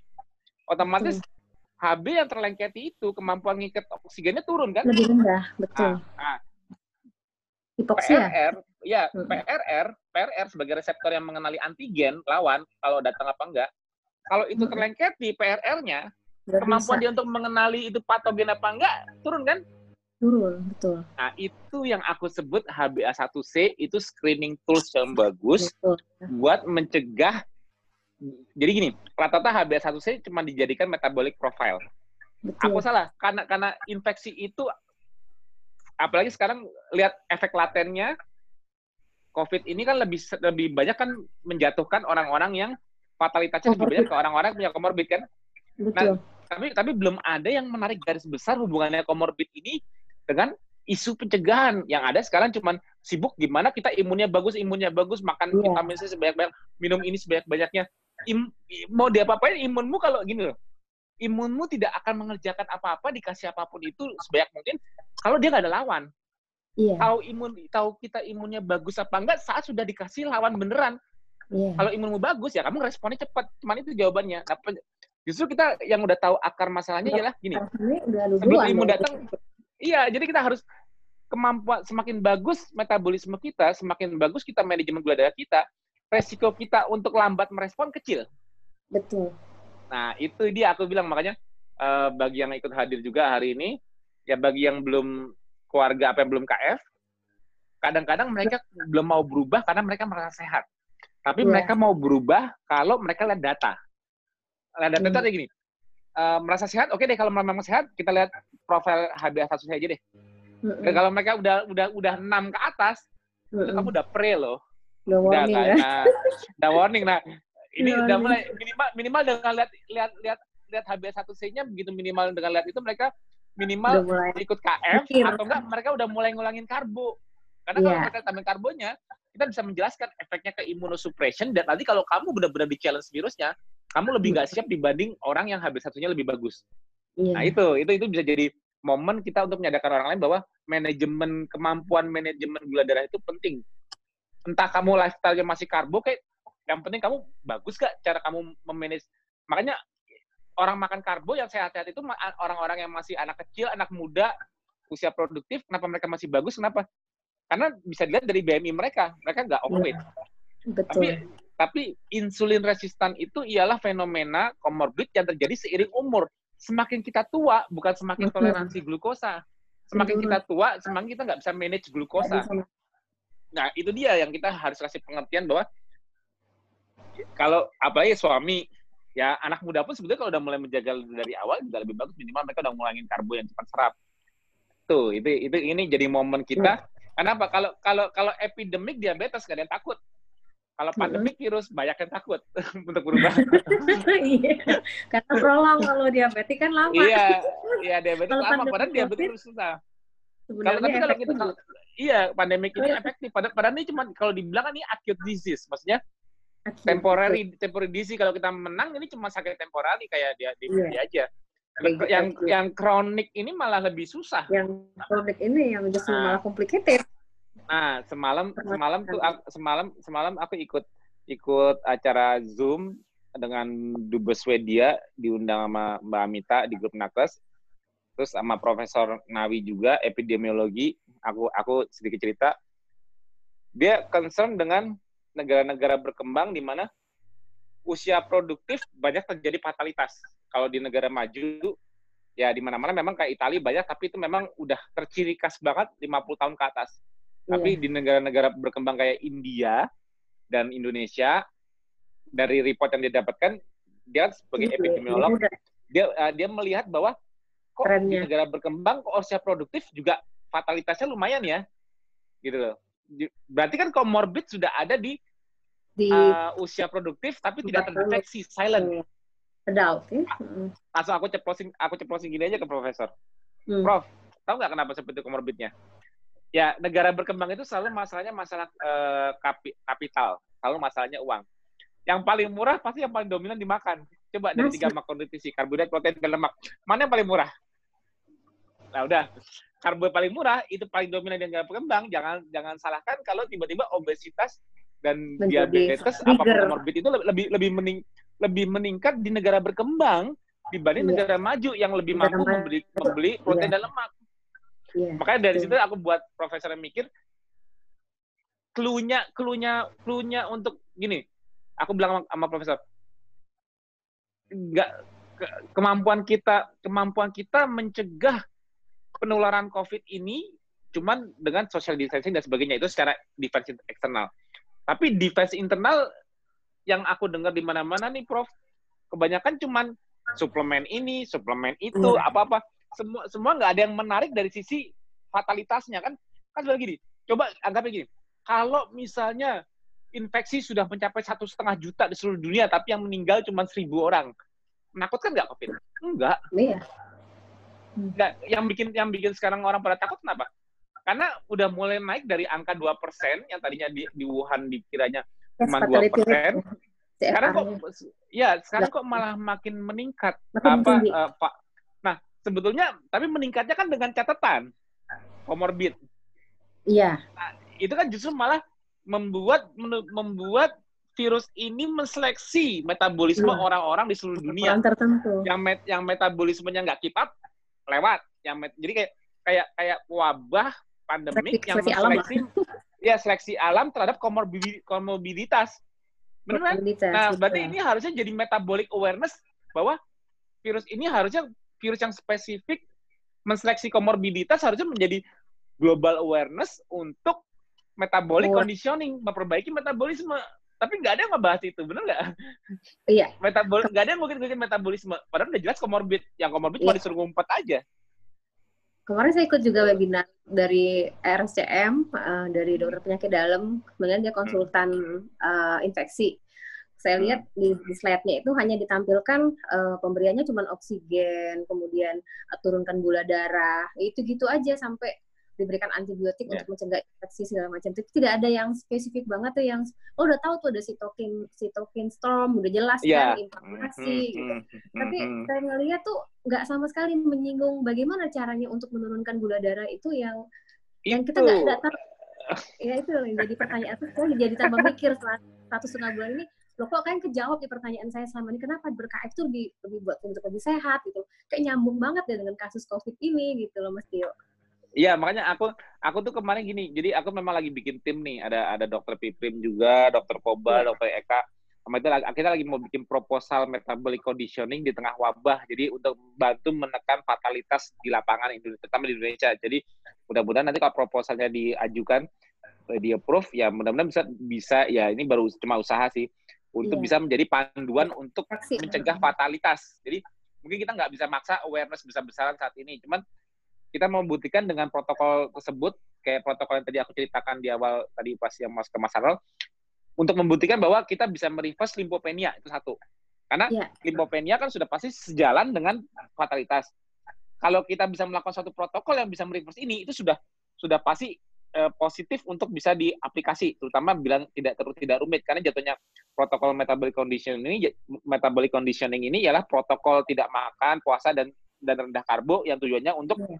menahan turunnya limfopenia makin drastis dan kita membuktikan hasilnya nanti dengan reverse limfopenia dan perbaikan di CT scan misalnya GGO-nya iya. gimana membaik apa enggak. Nah, kita bisa buktikan di situ nanti. Tapi ini masih dalam penyusunan secara akademik, referensi dan sebagainya. Nah, itu itu itu itu yang mau aku ituin usahakan dari KF setidaknya bisa menyumbang ke dunia medis yang masih blank. Sekarang kan perang dengan peluru kosong yang mereka iya, hadapi sekarang ialah kalau mereka ada mah ya. ya dan dan dan kadang-kadang mereka cuma-cuma terapi yang disarankan ialah viral load. Eh sorry, antiviral. antiviral. Tahu nggak fungsinya? Nah, antiviral kan mereka kayak remdesivir terus uh, chloroquine. Itu itu sifat-sifatnya mereka titik-titik dari replikasi virus itu dihambat. Iya. Tujuannya apa? Benar, oke. Okay tujuan antiviral itu ialah menghambat replikasi viral sehingga mengurangi beban infeksi. Kuncinya gini, mengurangi beban infeksi sehingga memberikan kesempatan untuk adaptif imun respon keep up. Tadinya nggak keep up jadi keep up. Tadinya replikasinya nggak replikasinya replikasinya nggak nggak terkontrol yang bisa menyebabkan exhaustion dari respon imun ini ditahan ditahan oleh antiviral supaya supaya replikasinya jadi lambat imunnya nggak keletihan jadi cepat keep up akhirnya bisa clear. Tapi ujungnya yang mengklirkan mengklirkan virus ini tetap imunnya. Nah, karena karena yang untuk mengklirkan ini imunnya, mereka lupa satu hal bahwa mudahnya menghambat hal yang sama tanpa obat ialah dengan apa? Menghambat glukosa sebagai sumber mereka replikasi. Itu so simple. Iya, kuncinya kuncinya memang basic basicnya basic basicnya kita untuk memperlambat virus atau bahkan menekan virus agar tidak bisa berkembang dan jelas memberikan respon imun yang lebih cepat nantinya ialah perubahan secara sistemik yaitu apa? Kita semua switching jangan ketergantungan gula sehingga yang ketergantungan gula seperti virus bisa kita tekan dengan cara kita tidak masukin karbo atau puasa. Selesai. Mereka hmm. jadi gini. Hebatnya tubuh manusia. Iya, hebatnya tubuh manusia pada saat kita ketosis apa? Ketosis itu di kondisi sehat sekalipun kita, ketosis itu menciptakan selektivitas di tubuh kita terhadap mana yang ketergantungan gula dan mana yang enggak. Karena hmm. kalau masih ada yang ketergantungan gula, kamu cuma bisa ngandelin gluconeogenesis di liver. Dan pada saat orang ketosis, gluconeogenesis pasti hemat. Kalau nggak dihemat, habis otot kita buat bikin gula. Makanya hmm. begitu kita nggak kita tujuan ketosis itu ialah men-sparing muscle otot supaya tidak banyak dirontokkan jadi gula. Tujuan pertama itu. Jadi semua semua sel di tubuh kita yang masih dominan pakai gula antara dia hancur, mati, atau out, atau regenerasi, atau perbaiki diri. Supaya kamu bisa pakai lemak. Artinya mereka harus memperbaiki mitokondria. Selesai. Nah, iya. keunggulan kita saat ketosis ialah itu, kemampuan kita untuk pakai lemak dibanding gula. Kemampuan kita sparing gula itu yang diandalkan dalam ketosis. Jadi kita tubuh kita tidak tidak tidak craving gula lagi. Tapi kalau kemasukan infeksi ataupun kemunculan patogen ataupun sel abnormal yang rakus gula, mm-hmm. jauh lebih mudah terseleksi. Makanya makanya uh, uh, kalau kita di kondisi ketosis, uh, kalau Mbak Mbak kan baru dua bulan ya, banyak yeah. sama teman-teman KF lainnya, mereka bukannya nggak anti flu, mereka memang jarang sakit, tapi sekalinya flu, mereka flu, tapi rata-rata nggak nyampe dua tiga hari clear. Iya. Nggak nyampe dua kali, cuman atau seharian mereka batu bersih-bersin, tapi nggak pernah jadi. Ya itu kenapa? Karena selama mereka mempertahankan tidak kemasukan karbo, kemampuan mereka untuk memberikan pressure terhadap hmm. apa pun yang butuh gula seperti mau sel cancer kayak mau mau mau sel terinfeksi virus yang virusnya butuh gula untuk bantu direplikasi kayak ekosistem di tubuh kita saat kita ketosis, fasting on ketosis ialah apa? Memberikan pressure terhadap jenis-jenis sel-sel yang butuh gula tinggi. Otomatis sudah menyebabkan berbagai sel seperti itu kemampuan untuk replicate membelah secara abnormal seperti cancer turun. Nah, itu kemenangan kita. Tapi ini tapi ini kemarin uh, uh, kayaknya kemarin udah sempat disounding ke ke ID juga sebelum jadi makalahnya juga responnya mereka tahu nggak mbak apa? Gimana? Uh, memang sih puasa itu memang bagus ya, apalagi untuk mereka sebagian mereka ada yang make sense dengan hipoglikemia, men mengejar hipoglikemia untuk menurunkan inflamasi itu masuk. Tapi masuk, tapi ya. uh, mas masuk akal kan karena memang dikasih referensi. karbonya. Enggak, enggak gini. Enggak, jadi, jadi, jadi kita, kita, kita waktu itu approach approach-nya enggak, enggak ngomong makan karbonya, Mbak. Kita approach-nya oh, gitu. puasa uh, dulu. Oh, puasa dulu. Fasting. Uh. Ah, kan kan kan enggak ada nentang. Jadi jadi uh, uh. pada saat jadi kita gini, momennya pada saat si pasien mengalami anoreksia karena demam, anoreksia respon, uh. yang mereka enggak nafsu makan, itu jangan dipaksa makan, mereka dilanjutkan tidak makan, tapi dijaga hidrasinya dan elektrolit. Oke, okay, iya. yeah. make sense. Hipoglikemia. Tapi ada beberapa yang concern apa? mereka melihat uh, kayak asidosis ya septic shock atau asidosis yang terjadi juga di pasien yang ARDS. Mereka mereka khawatir apa? Kalau hipoglikemia treatment uh, mengejar hipoglikemia dengan cara puasa ini terus dilanjutkan, diprolong sampai hari kedua, ketiga, keempat. Mereka yang khawatirkan mereka akan muncul asidosis. Karena apa? Karena pembakaran dari lemak yang tidak sempurna sehingga memicu asidosis. Aku langsung, langsung ah, begitu dikasih dikasih jawaban balik aku langsung oh my god. Asidosis kondisi infeksi dengan asidosis seperti ketoasidosis. Aku pikir mereka berpikir ketoasidosis. Ternyata mereka menghubungkan lagi dengan infeksi. Nah, ini kayaknya gap fisiologi ini masih jauh banget di dunia kedokteran. Padahal yang, ter, yang, ter, yang terjadi pada saat infeksi kalau ada asidosis itu sudah pasti lak laktik asidosis karena infeksi peradang yang tinggi itu glukosa yang menjadi laktat itu besar-besaran. Jadi ya, uh, jadi jadi yang yang asidiknya itu bukan keton tapi laktik laktat. Nah, kalau diabetes memang keton tapi dengan kondisi uh, eh, yeah. ada negatif negatif nggak ada negatif feedback dari dari dari pankreas. Tadinya aku pikir mereka karena kan kan, kan soalnya dari awal kan puasa regimennya, jadi kan nggak ngomongin keto, nggak ngomongin nggak makan karbo tapi tapi cara mereka berpikir ketakutan mereka ialah asidosisnya malah nanti meningkat enggak asidosis itu meningkat asidosis di kondisi infeksi itu meningkat karena bahan bakarnya untuk menjadi asidiknya itu glukosa menjadi laktat glukosanya banyak kalau ini menjadi hipoglikemia gimana bisa muncul laktik ya laktat dari laktat kan bahan bakunya gula dari mana datangnya itu makanya kadang-kadang uh, mereka masih belum masih belum iya. nyambung itunya tapi ya mudah-mudahan lah kita pelan-pelan uh, yeah. uh, membuat semoga gaya hidup yang simpel sendiri lah Mas Tio. Uh, ya nggak usah diri sendiri dulu. Betul, nggak usah nggak usah nggak usah jadi main nggak usah jadi main terapi deh. Ajuvan terapi nggak apa-apa kok. Nggak kan kan uh, ajuvan terapi secara pola makan dan puasa itu kan sifatnya benin, bukan invasif. Betul. Kan kan kan nggak harus pakai resep yang kayak Enggak. kita harus. Nah itu makanya kita harus mulai memang pelan-pelan uh, ajuvan tapi nanti bisa jadi main protokol nantinya kalau sudah banyak terbukti gitu kita pelan pelan pelan Insya Allah. Hmm. Makasih banyak Mas Tio hmm. atas Ya, sama-sama. Ya, Thank you, Mariani. Ya. Uh, pertanyaan berikut, Mas. Uh, ini aku rangkum aja. Masih kaitannya sama sitokin dan juga tadi yang sempat Mas Tio bilang tentang limfosit. Jadi dari Mas Azhar sama Mas Sugi. Mas Azhar nanya, ada nggak virus mematikan yang tidak memberi kesempatan untuk imun untuk berespon? dia limfositnya 3740 karena tertarik tadi dengan uh, apa sorry sorry nggak kedengeran mas suara kecil oke okay. bilang mas suaranya nggak kedengeran jadi mas Azhar nanya uh, adakah virus yang mematikan yang tidak memberi kesempatan imun untuk berespon beliau juga nanya untuk limfositnya dia 37 sampai 40 persen dengan rasio neutrofil limfositnya 1,38 apakah sudah oke okay? apakah sudah Oke lah, itu mah. Itu mah normal nah, loh juga. Kan nggak nggak ada kalau. Nah, berarti uh, ada nggak mas virus yang mematikan yang nggak memberi kesempatan untuk respon imun untuk bekerja? Sama satu lagi, kalau sudah mengenai virus, sitokin, ya. itu ngerusak apa aja sih kalau di dalam tubuh? Sudah menjadi sitokin storm atau sitokin release syndrome? Ya, sitokin storm. Ya, oke. Okay. Oke. Okay. Yang pertama, uh, kemampuan manusia untuk mengenali kedatangan patogen itu dikonserv skala secara evolution ya berarti gini virus itu sudah ada sejak awal masa ada ada di bumi sudah dari awal masa.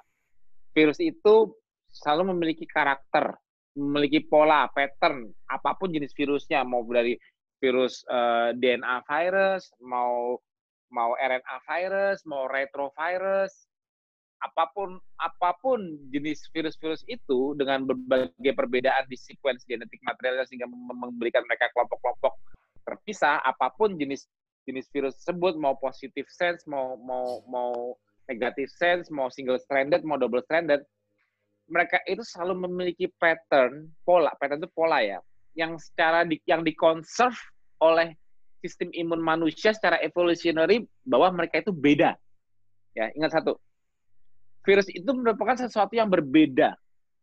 Berbeda dari uh, jadi gini, virus itu ialah suatu hal yang harusnya menimbulkan immunogenicity, menimbulkan respon imun melalui melalui pattern recognition receptor yang dimiliki oleh innate immune system, entah itu makrofag, entah itu dendritik, entah itu M cell di pair patch.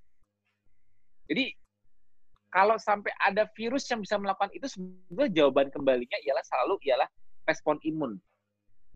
Ya maksudnya maksudnya kalau kalau ada ada penetrasi virus model baru yang yang tidak bisa dikenali oleh pattern recognition receptor berarti virus itu mungkin buatan manusia kali. Tapi kalau secara nature-nya di alam nature di alam, semua virus yang yang yang muncul karena seleksi alami hasil dari mutasi dari induk virusnya misalnya contoh gini.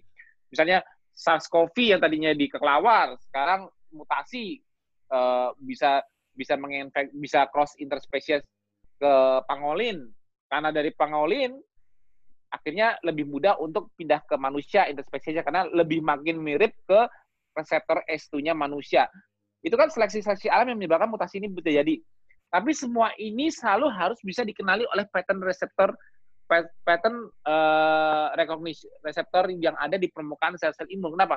Karena tugas sel-sel imun kita yang melapisi seluruh jadi gini, seluruh tubuh kita itu paling lebar itu ialah mukosa.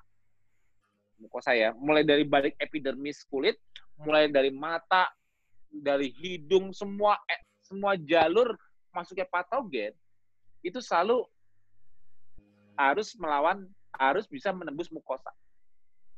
Jadi kuncinya secara evolutionary manusia, mukosal defense, mukosal immunity defense, selama masih bagus, apa pun virus baru yang terbentuk, kuncinya ialah di responnya. Speed.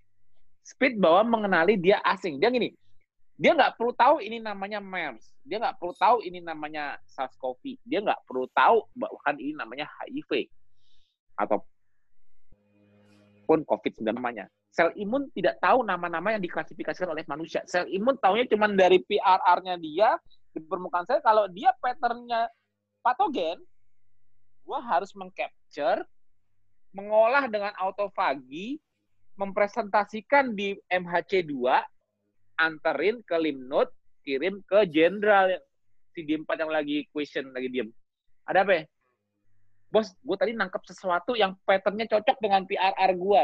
Karena sifat PRR ini, sifatnya, dia cuma mengenali pola. Dia dia dia bukan antigen spesifik. Jadi gini, sifatnya PRR, pattern recognition receptor dengan antibody itu beda. Antibody itu hanya dibuat antibody itu protein yang hanya dibuat spesifik lock and key dengan antigen yang pernah dipresentasikan ke B-cell atau yang ada di memorinya. Jadi gini, dia pernah dipresentasikan udah pernah lawan infeksi ini dulu. Terus dia B-cell ini membuat memori, memori dan sel mem dan kumpulan sel memori itu khusus hanya tahu cara membuat antibody yang kodenya X misalnya. Untuk cocok dengan patogen X. Jadi kalau ada infeksi berikutnya, memori ini bangun lagi, membuat lagi antibody X, sehingga ngeplak lagi ke X. Jadi antibody sifatnya spesifik.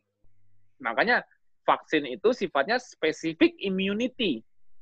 Dikasih vaksin untuk penyakit penyakit A, B, C, karena apa? Untuk membuat antibody A, B, C atau membuat mediated cell immune response terhadap A, B, C. Spesifik itu adalah vaksin. Tapi sel-sel imun kita di balik mukosa kita, di balik mukosa hidung, mulut, rongga, eh, di balik epidermis kulit, semuanya itu menggunakan PRR yang artinya non-spesifik. Mereka hanya mengenali berdasarkan pola, pattern. Namanya uh, patogen, uh, namanya PAMP, PAMP, Pathogen Associated Molecular Pattern. Dan pola mereka juga mengenali pola kerusakan sel. Jadi kalau ada sel yang rusak, juga di pagositosis, namanya polanya disebutnya DAM. DAMP, Damage Associated Molecular Pattern. Dua jenis rekognisi yang non-spesifik ini, ini cara menjaga kita ke bridge, ketembus oleh berbagai musuh kita di luar. Conserve secara evolusi. Jadi kalau sampai ada uh, outbreak yang bisa bisa mengalahkan manusia berarti di kondisi itu manusia eh, respon respon imunnya rendah. Jadi by konsep by konsep dari dari sistem engineering cara Allah buat tubuh kita kita sudah dikasih bekal sistem imun sebagai mencegah kita untuk terinfeksi apa pun mutasi virus yang terjadi. Jadi tubuh kita tuh nggak peduli mau virusnya mutasi nanti mau mutasi untuk bisa nempel ke reseptor ini sekarang S2 uh, eh, yang MERS bisa nempel di DPP di peptide maksudnya di DPP 4 oh kalau kalau uh, SARS-CoV-2 ke, ke S2 nanti ada virus baru lagi nyari lagi reseptor baru karena mutasi berbagai mutasi lah yang bisa meningkatkan virulensnya misalnya tapi sistem imun basic kerjanya nggak pernah berubah dari dulu. Apa pun mau yang dilawan cuman uh, seasonal flu aja, mau dicawar influenza, mau yang dilawan COVID, sistem gua kerja selalu start dari PRR, rekognisi, laporin ke munculkan adaptive response. Setelah adaptive respon, siapkan juga memory lineage-nya. Siap juga buat memorinya untuk mencegah kedatangan kedua. Jalur uh, jalur uh, respon dari innate immunity ke adaptive immunity ini terkonserv pola ini terkonserv dari manusia dulu sampai sekarang nggak berubah. Tapi manusia dulu memory banknya nggak sebanyak manusia sekarang. Kenapa? Manusia dulu makin ke sini menurunkan juga kemampuan memori infeksi sebelumnya. Kayak manusia dulu pertama kali infeksi mungkin banyak kalah sama cacar, banyak yang kalah sama penyakit apa. Tapi descendant-nya keturunan sampai sekarang membawa bekal memori-memori yang pernah di yang pernah diperoleh oleh yang pernah dimiliki oleh ancestor mereka. Jadi manusia sekarang lebih banyak memiliki memori untuk lebih cepat merespon terhadap infeksi yang past infection. Tapi past infection itu sekarang kan selalu ada baru, ada baru, ada baru. Kenapa? Karena sifat virus ialah mutasi. Terutama RNA virus yang tidak punya proofreading terhadap terhadap replikasinya sehingga ya. dia dia lebih cepat berganti. Makanya ada yang bilang, oh virus virus uh, COVID sekarang makin jinak. Artinya makin jinak mungkin gini, mutasinya itu makin tadinya dia bisa bermutasi dengan afinitas kuat ke S2. Lama-lama karena dia sering bermutasi, karena dia sudah menginfeksi uh, host baru, host baru yang jadi reservoirnya, dia dia tetap melakukan mutasi tapi mutasinya nggak menguntungkan. Malah mutasinya yang nggak salah pasang, salah salah nyusun salah nyusun RNA RNA ini misalnya gini. Ini RNA induknya yang yang yang virulence-nya tinggi.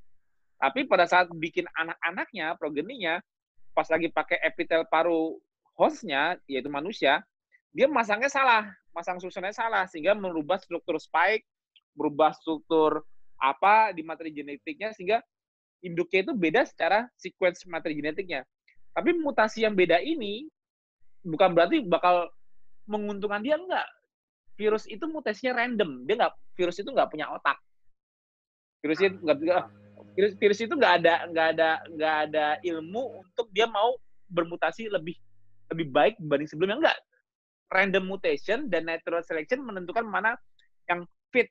Virus-virus yang enggak fit nggak bisa nempel nggak nggak bisa bisa gini anak virusku yang tadi baru aku produksi aku salah masang tapi akhirnya dia nggak punya nggak punya host untuk ditempelin. Akhirnya dia apa? Out seleksi yang yang yang yang yang survive ialah yang menemukan host baru atau lebih kuat menempel di host baru. Itu artinya natural selection ya mencari yang mencari yang menuju ke uh, descendant dari virus mutasi yang gagal tadi itu ada mutasi yang menguntungkan dan akhirnya ini punya host baru yang bisa mendapatkan reservoir yang bisa menyebarkan lebih kuat lagi ke yang lain. Nah, jadi dengan dengan seperti sekarang dibilang menjinak, mungkin lebih banyak mutasi yang tidak menguntungkan. Tapi bisa aja jadi mutasi yang menguntungkan, misalnya lebih penguatan afinitas dan sebagainya. Tapi dari sisi respon imun tetap sama. Begitu dideteksi dia virus, patogen associated molecular pattern, jadi kunci pertahanan kita cuma satu. Gimana supaya mucosal immunity kita selalu responsif. Itu toko.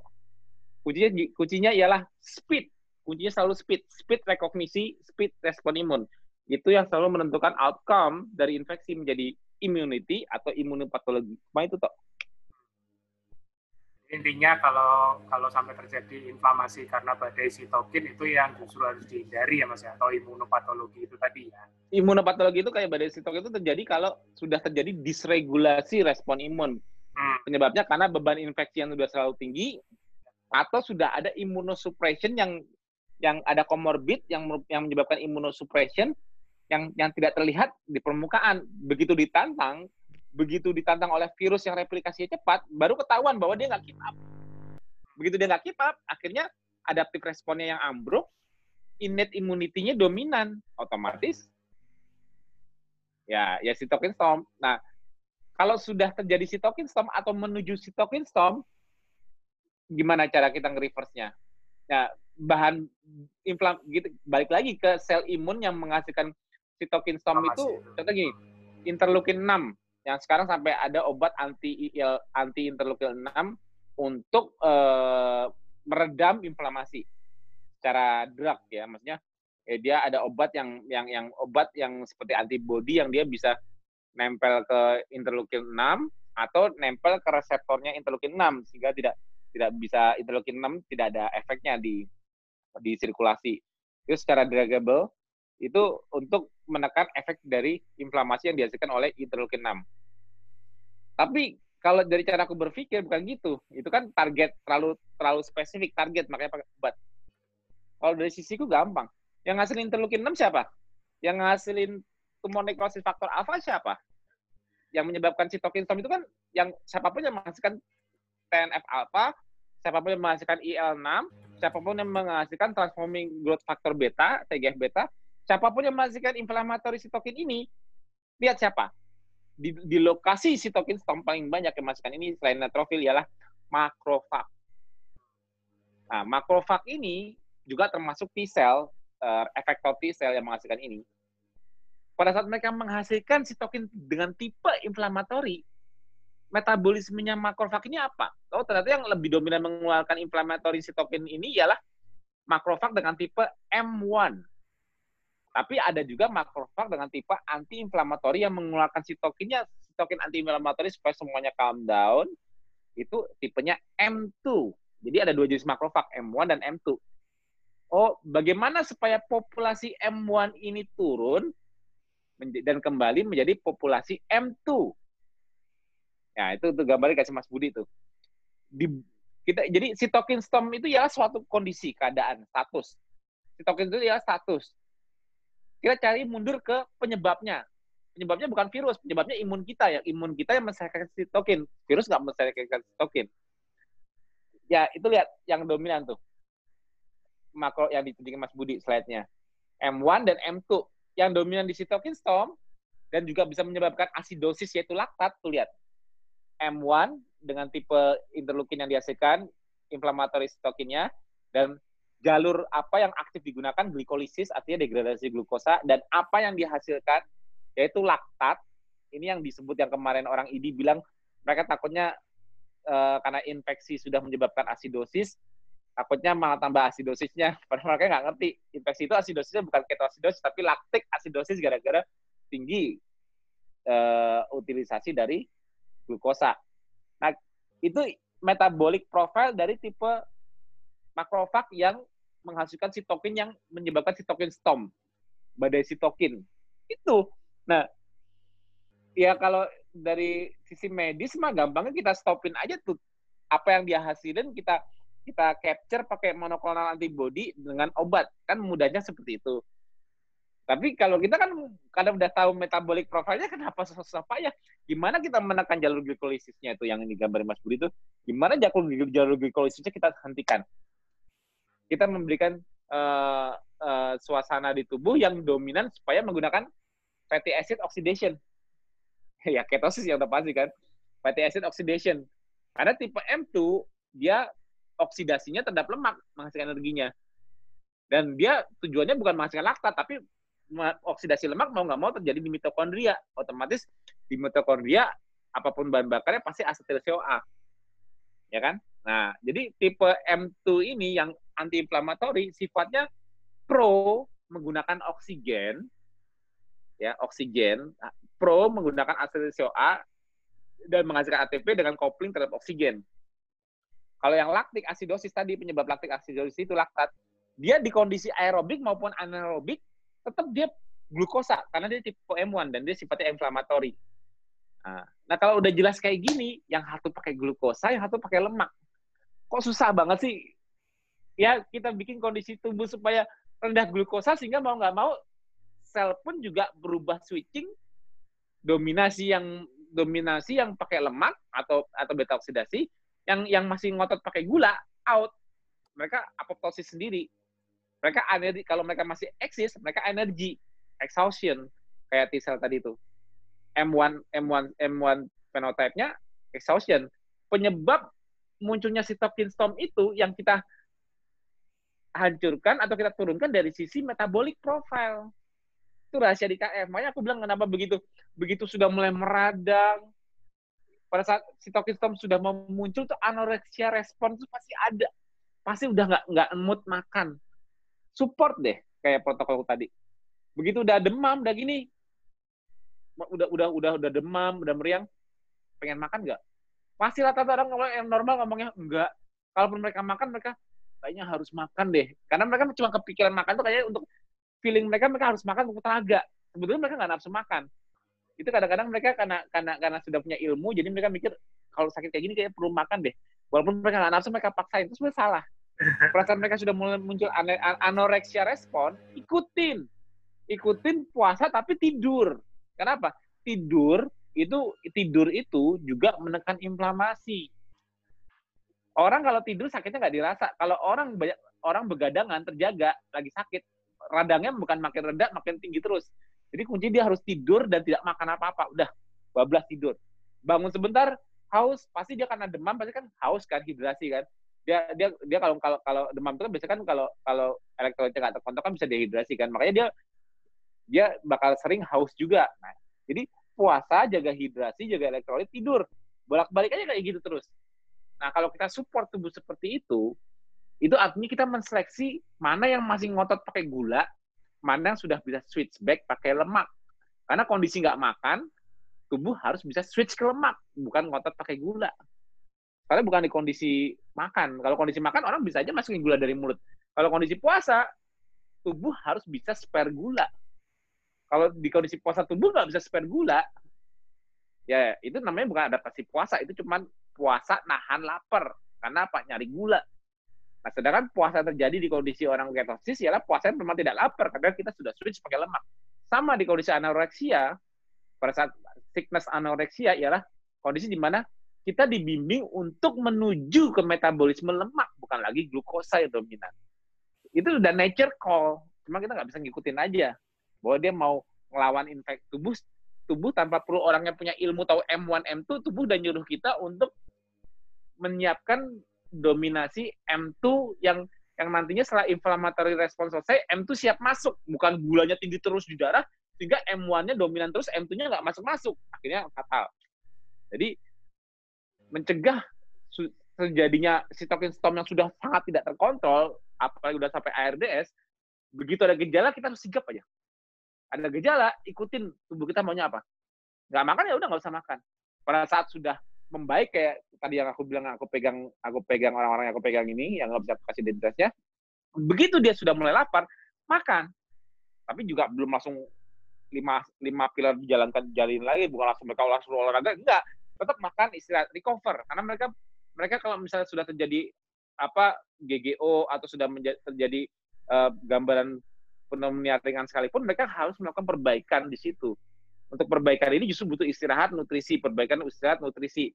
Tapi tetap nutrisinya nggak ekses, jadi tetap makannya di jendela makan. Tapi mereka jendela makannya bisa lebih lebar dibanding di awal saat mereka masih fight.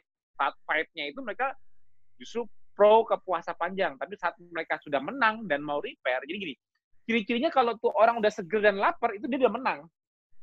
Tinggal disupport gimana dia bisa merepair kerusakan yang terjadi kemarin di, di medan perang. Itu doang, itu mudahnya melihat itu seperti itu. Oke mas, uh, ini karena tadi Mas Tio sempat cerita ada beberapa orang yang Mas Tio uh, bimbing ya, uh, hmm. banyak para nakes itu ingin tahu minimal sebagai bekal. Jadi nanti mungkin di grup nakes Mas uh, kasih gambaran imun, imun risk profile seperti apa. Nah ini apa? salah satunya juga apa gimana Mas? Imun imun risk apa? profile Imunis profile yang ya, jadi itu, maksudnya ya. uh, para nakes ini kan uh, jadi ingin tahu punya bekal jadi nanti kalau untuk ya, ya, melihat ya. melihat ini eh, kira-kira dia bisa kasih tahu oh uh, counternya seperti ini kayak gitu tapi nanti aja mas itu di grup nakes nah ini salah satu dari oh, Mbak ya. Nela juga cukup menarik ini bertanya tentang herd immunity ya Uh, Mbak Nela, monggo silakan. itu itu itu kontroversial. Okay. Aku juga nggak berani jawab tuh. Uh. Ya, Mas Tio, selamat sore Mas. Ya. Uh, saya sempat uh, ngikutin dari tadi. Cuma di satu tuh Mas, saya uh, ya memang kemarin saya sempat ngikutin di Zoom meeting dengan eh, orang. Mbak, sorry. Oh, uh, ya. Mbak, Mbak ngomong ya. aja. Aku masih dengar nih di sini aku mau uh. ngambil minum dulu ke kulkas tapi tetap ngomong aja nanti aku sini lagi aku oke oke oke siap siap iya jadi ke, menyinggung soal uh, immune risk profile itu ya. diakui yeah. gitu mas ya bahwa profilnya para ODP dan PDP itu penuh dengan metabolic syndrome yeah. jadi sebetulnya udah satu satu persoalan akar persoalan tuh udah ketahuan gitu tapi yang saya bingung itu kenapa nggak pernah bergeser membahas uh, penyebab dari metabolic syndrome dan bagaimana memperbaiki. Itu kan yang saya pahamin Mas Tio dan eh, teman-teman dari dokter, dokter sudah mulai membuat protokol ya Mas ya. Yang mudah-mudahan itu bisa kita kita dapat segera gitu. Terus yang yang yang lainnya itu yang saya penasaran itu ID pernah membuat surat bahwa uh, menolak adanya wacana herd immunity dikarenakan dikhawatir satu generasi bisa hilang gitu. Saya cuma bingung gini, uh, apakah iya herd immunity ini sesuatu yang yang betul-betul impossible kita lakukan atau sebenarnya inilah dia exit kita yang terbaik gitu. Karena apa? Kita tuh udah ngebenturin sekalian orang yang apa membiarkan orang terpapar virus itu sehingga mempercepat antibodi terbentuk kan gitu ya Mas. Jadi um, memang betul ada yang risk profile-nya sangat rendah.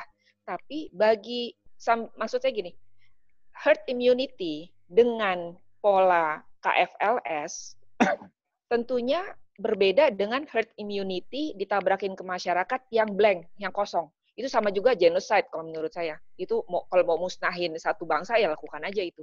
Tapi kalau kita punya ilmunya bahwa hmm. kita mempersiapkan masyarakat untuk tujuan herd immunity, saya kira itu sesuatu yang tidak jelek juga. Karena apa? Kita harus keluarkan dari dari situasi pandemik ini. Kalau kita nggak pernah keluar dari rumah kita, dan artinya, apa kita selamanya akan begini?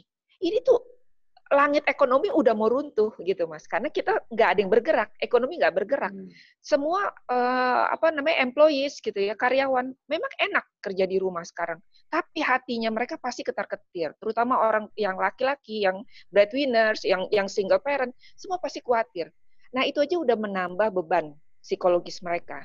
Tapi saya pikir kalau kita harus cari solusinya berani nggak? Maksud maksud saya gini mungkin nggak Mas Dio? Kita wacana KFLS ini untuk persiapan herd immunity yang nantinya tentu akan dipimpin oleh pemerintah gitu. Tapi kalau herd immunity tanpa ilmu KF itu kita saya juga nggak menyarankan. Itu kita benar-benar pembunuhan atau kita mau bicara seleksi alam.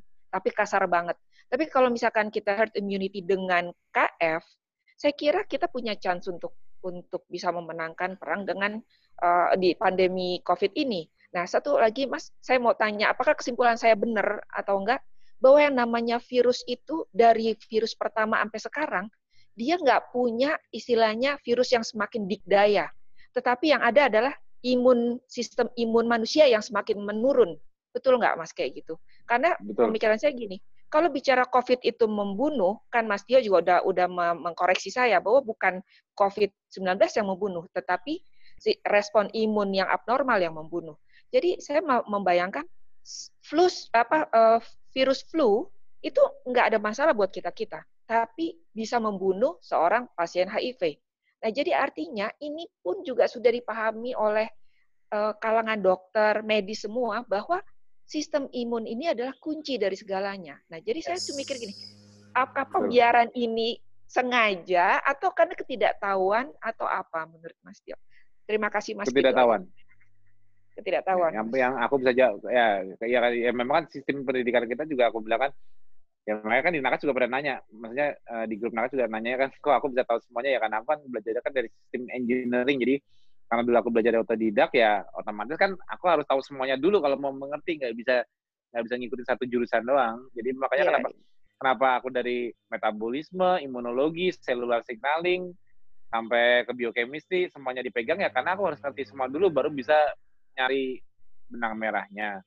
Tapi kan tidak seperti itu di lapangan kan kan sistem pendidikan kita kan juga semuanya kan menuju ke arah spesialisnya pun juga otomatis kan uh, groundnya untuk fisiologi mungkin kan nggak nggak seperti aku. Maksudnya ya mereka disesuaikan dengan kebutuhan mereka untuk mencapai jenjangnya dan dan nanti spesialisnya. Jangan memang itu untuk buat benang merah kayak gini harus konsorsium banyak ahli ditemukan untuk menemukan mempersatukan pendapat yang sama menemukan benang merah yang sama kalau aku kan lihatnya dari sisi engineering dari berbagai sisi aku aku bisa bisa nyari clue-nya akhirnya ketemunya ancestral lifestyle itu yang paling adil. Maksudnya gini, dulu yang menyelamatkan kita kan alam, yang membuat kalau kita kan sekarang punya konsep, kita kan di KF kan punya konsep kan konsepnya konsep puasa. Itu mungkin lebih acceptable di timur, tapi di barat itu sangat ditentang puasa. Makanya di sana lebih ngetren ketogenik dibanding di timur. Kalau di KF kan kita kan puasa itu kan karena kita memang udah biasa melakukan, kita lebih gampang diaccept dibanding dengar nggak makan karbo di lu di barat lebih gampang nggak makan karbo dibanding disuruh puasa. ini ini oh. dua dua tren yang berbeda juga. Jadi jadi ya ya memang uh, sosial budaya sih ya maksudnya. Aku gini loh menyiap yang aku kembali ke Mbak tadi yang bilang menyiapkan herd immunity dengan dengan protokol KF. Aduh, aku kalau itu bisa terjadi banget. Tapi dan itu terlalu terlalu terlalu bermimpi di saat sekarang. Kenapa? Sebelum sebelum ada sebelum ada pandemik pun aja bikin awareness KF aja ya alhamdulillah sih memang kita cepet ya ratusan ribu orang ikut di KF ya. Tapi jujur mereka ikutnya kan kan kita gini loh kita kita teriak-teriak keluar aja orang-orang di rumah kita aja banyak yang belum ngikutin kita. Jadi KF itu lebih ke arah hidayah. Hidayah hidayah itu apa ya? Melepas hawa nafsu hidayah gitu. Maksudnya kita kita teriak-teriak keluar nyuruh nyuruh nyuruh herd immunity dengan protokol kita tapi ternyata nggak dilakukan. Outputnya malah herd immunity-nya malah membunuh banyak orang. Karena karena di balik sisi protokol yang kita kasih ternyata nggak banyak yang konsisten menjalaninya. Karena cheating lah apa-apa-apa akhirnya konsep kita dianggap gagal. Padahal belum tentu gagal. Cara teoritisnya masuk tapi aplikasi di lapangan ternyata melepas karbo itu susah. Dan memang nggak gampang kan melepas karbo kan. Apalagi di tengah di tengah alam yang menggoda kita dengan lebih banyak karbo kalau alam dulu di hutan orang mah nggak usah nggak usah takut makan karbo memang susah nemuin makan karbonya pasti dominan hewani tapi kalau sekarang kan alam kita kan menggoda. Yeah. jadi jadi uh, menyuruh herd immunity di kondisi dengan kenyamanan sebanyak ini ya ya itu benar lebih ke arah genocide. Kita kita sebagai di KF itu kita cuma bisa memberikan apa ya menunjukkan kebenaran menunjukkan living proof pelan-pelan menunjukkan bukti dan percaya nggak? Aku aku aku udah udah bisa udah bisa uh, apa membayangkan di masa depan kalau akhirnya kalau akhirnya ternyata kita bisa membuktikan bahwa gaya hidup kita ini betul sehat dan dan memang ternyata terbukti semua. Memang KF itu bagus lewat puasanya tidak makan karbo dan muncul insya Allah banyak saintis yang bikin jurnal mengenai ini tau nggak? Setelah jadi itu pun tetap nggak banyak orang yang bisa melakukan. Karena karena selama selama opsi godaan itu nggak hilang karena yang buat susah KF itu bukan masalah coba aku pengen tahu aku kalau mau diajak debat terbuka sama siapa pun, ayo undang aku aku datang. Aku siap. Tapi bukan masalah itu, menyebarkan KF itu bukan masalah masalah masalah pembuktian aja, tapi masalah conditioning di lapangan. Sekarang kalau semua orang habis datang dari seminarku, habis nonton kayak gini, tercerahkan nggak? Perceraikan kan? Terus impactnya impactnya ke orang yang belum KF untuk berubah apa? Belum tentu mereka bisa langsung bisa menjalankan. Yes. Yes. Itu, yeah. itu itu itu seleksi alam alam kita itu nggak mengizinkan kita untuk herd immunity di kondisi sekarang apa? Karena awareness ya jujur kalau yang masih insulin sensitivity kalau semua banyak kalau di Indonesia itu yang BMI-nya normal banyak, yang komorbidnya rendah, herd immunity monggo itu udah gampang kena imunitas semua. Cuman sekarang kita melindungi uh, usia yang kayak kemarin aku di Profesor Nawi di Zoom tadi malam bilang kenapa di negara produktif di, apa sorry di negara berkembang India Indonesia kok kok yang terkena efek fatalitas COVID juga banyak di usia produktif 25 sampai 50 tahun? Kan kan lucu. Makanya aku kasih penjelasannya ya karena secara kapitalisme kita paling murah karbo. Ya kita pasti obesitas dan obesitas dan apa namanya uh, komorbiditas uh, sindrom metabolik lebih muncul lebih cepat muncul di kalangan usia produktif ya karena memang kondisi ekonomi juga berkembang karena itu paling murah. Nah itu justru malah membuat menunjukkan negara berkembang paling rentan sama herd immunity. Rentannya kenapa? Mereka lebih nggak siap. Kenapa? Karena satu dari faktor ekonomi. Dan kita kita begitu herd immunity kita berarti mau mau ini loh, begitu di, dilepas herd immunity virus ini selektivitasnya tinggi terhadap komorbid. Malah kelihatan kita komorbid kita kayak apa di Indonesia. Hmm. Kelihatan fatality rate-nya. Justru yang justru yang lagi aku mau usahakan di grup KF ialah menurunkan uh, menurunkan res, uh, fear, menurunkan rasa takut, menurunkan impact impact dari COVID ini. Misalnya menurunkan fatalitas. Oke deh, anggap aja anggap aja nanti uh, uh, usaha pemerintah udah udah udah dengan cara uh, lockdown, udah cara cara ini ternyata ternyata beban beban infeksi rate-nya tetap eh sorry, ternyata positif rate-nya meningkat terus, anggap aja sampai 200 ribu di Indonesia. Kalau udah berbagai usaha di berbagai usaha udah dilakukan. Tapi kalau kita bisa memberikan solusi untuk menekan fatalitasnya, gitu. Jadi, oh ternyata di Indonesia walaupun 200 ribu sampai 200 ribu, tapi yang meninggal ternyata ya. Insya Allah yang meninggal ternyata masih di bawah cuma beberapa ratus, walaupun udah ratusan ribu cuma beberapa ratus. Itu kan sudah sudah menunjukkan bahwa selektivitasnya tinggi. Jadi jadi lebih ke arah kita aku malah malah nyusun tim timku untuk bikin bikin metabolic conditioning itu ialah tim yang eh, di mana proposal ini membantu orang mencegah fatalitas karena harapanku kalau memang external defense dengan cara yang pemerintah lakukan sekarang berhasil atau tidak ya kita nggak tahu insya Allah berhasil uh, kurva yang menurun lebih bagus lagi disertai dengan penurunan fatalitas. Karena kita sudah bisa kita kita sekarang bisa pushnya bisa membuktikannya di penekanan fatalitas. Yang sudah ter, yang sudah misalnya cuman yang sudah kena. Kita kita susah untuk memberikan global awareness saat ini. Maksudnya di kondisi seperti ini orang suruh aware suruh suruh ngurangi karbo ya kita itu biar para warrior yang menginspirasi. Biar mereka mungkin bahwa ya pelan-pelan kita nyebarin bahwa ayo jaga kurangin jam aku lihat kemarin ke Kemenkes juga ada ngeluarin kurangin gula ya itu udah udah step bagus kurangi gula untuk menjaga imunitas. Kemenkes sudah ngeluarin itu.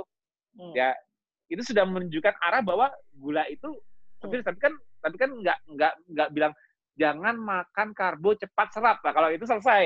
karbo cepat serap semua orang udah tahu. Cuman, cuman dihaluskan oleh Kemenkes kan dalam bentuk kan kurangi gula.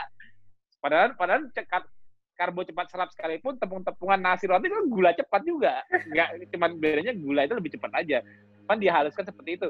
Sebenarnya Kemenkes sudah tahu imunitas itu bakal drop kalau gula tinggi. Ya, itu udah udah udah udah good start.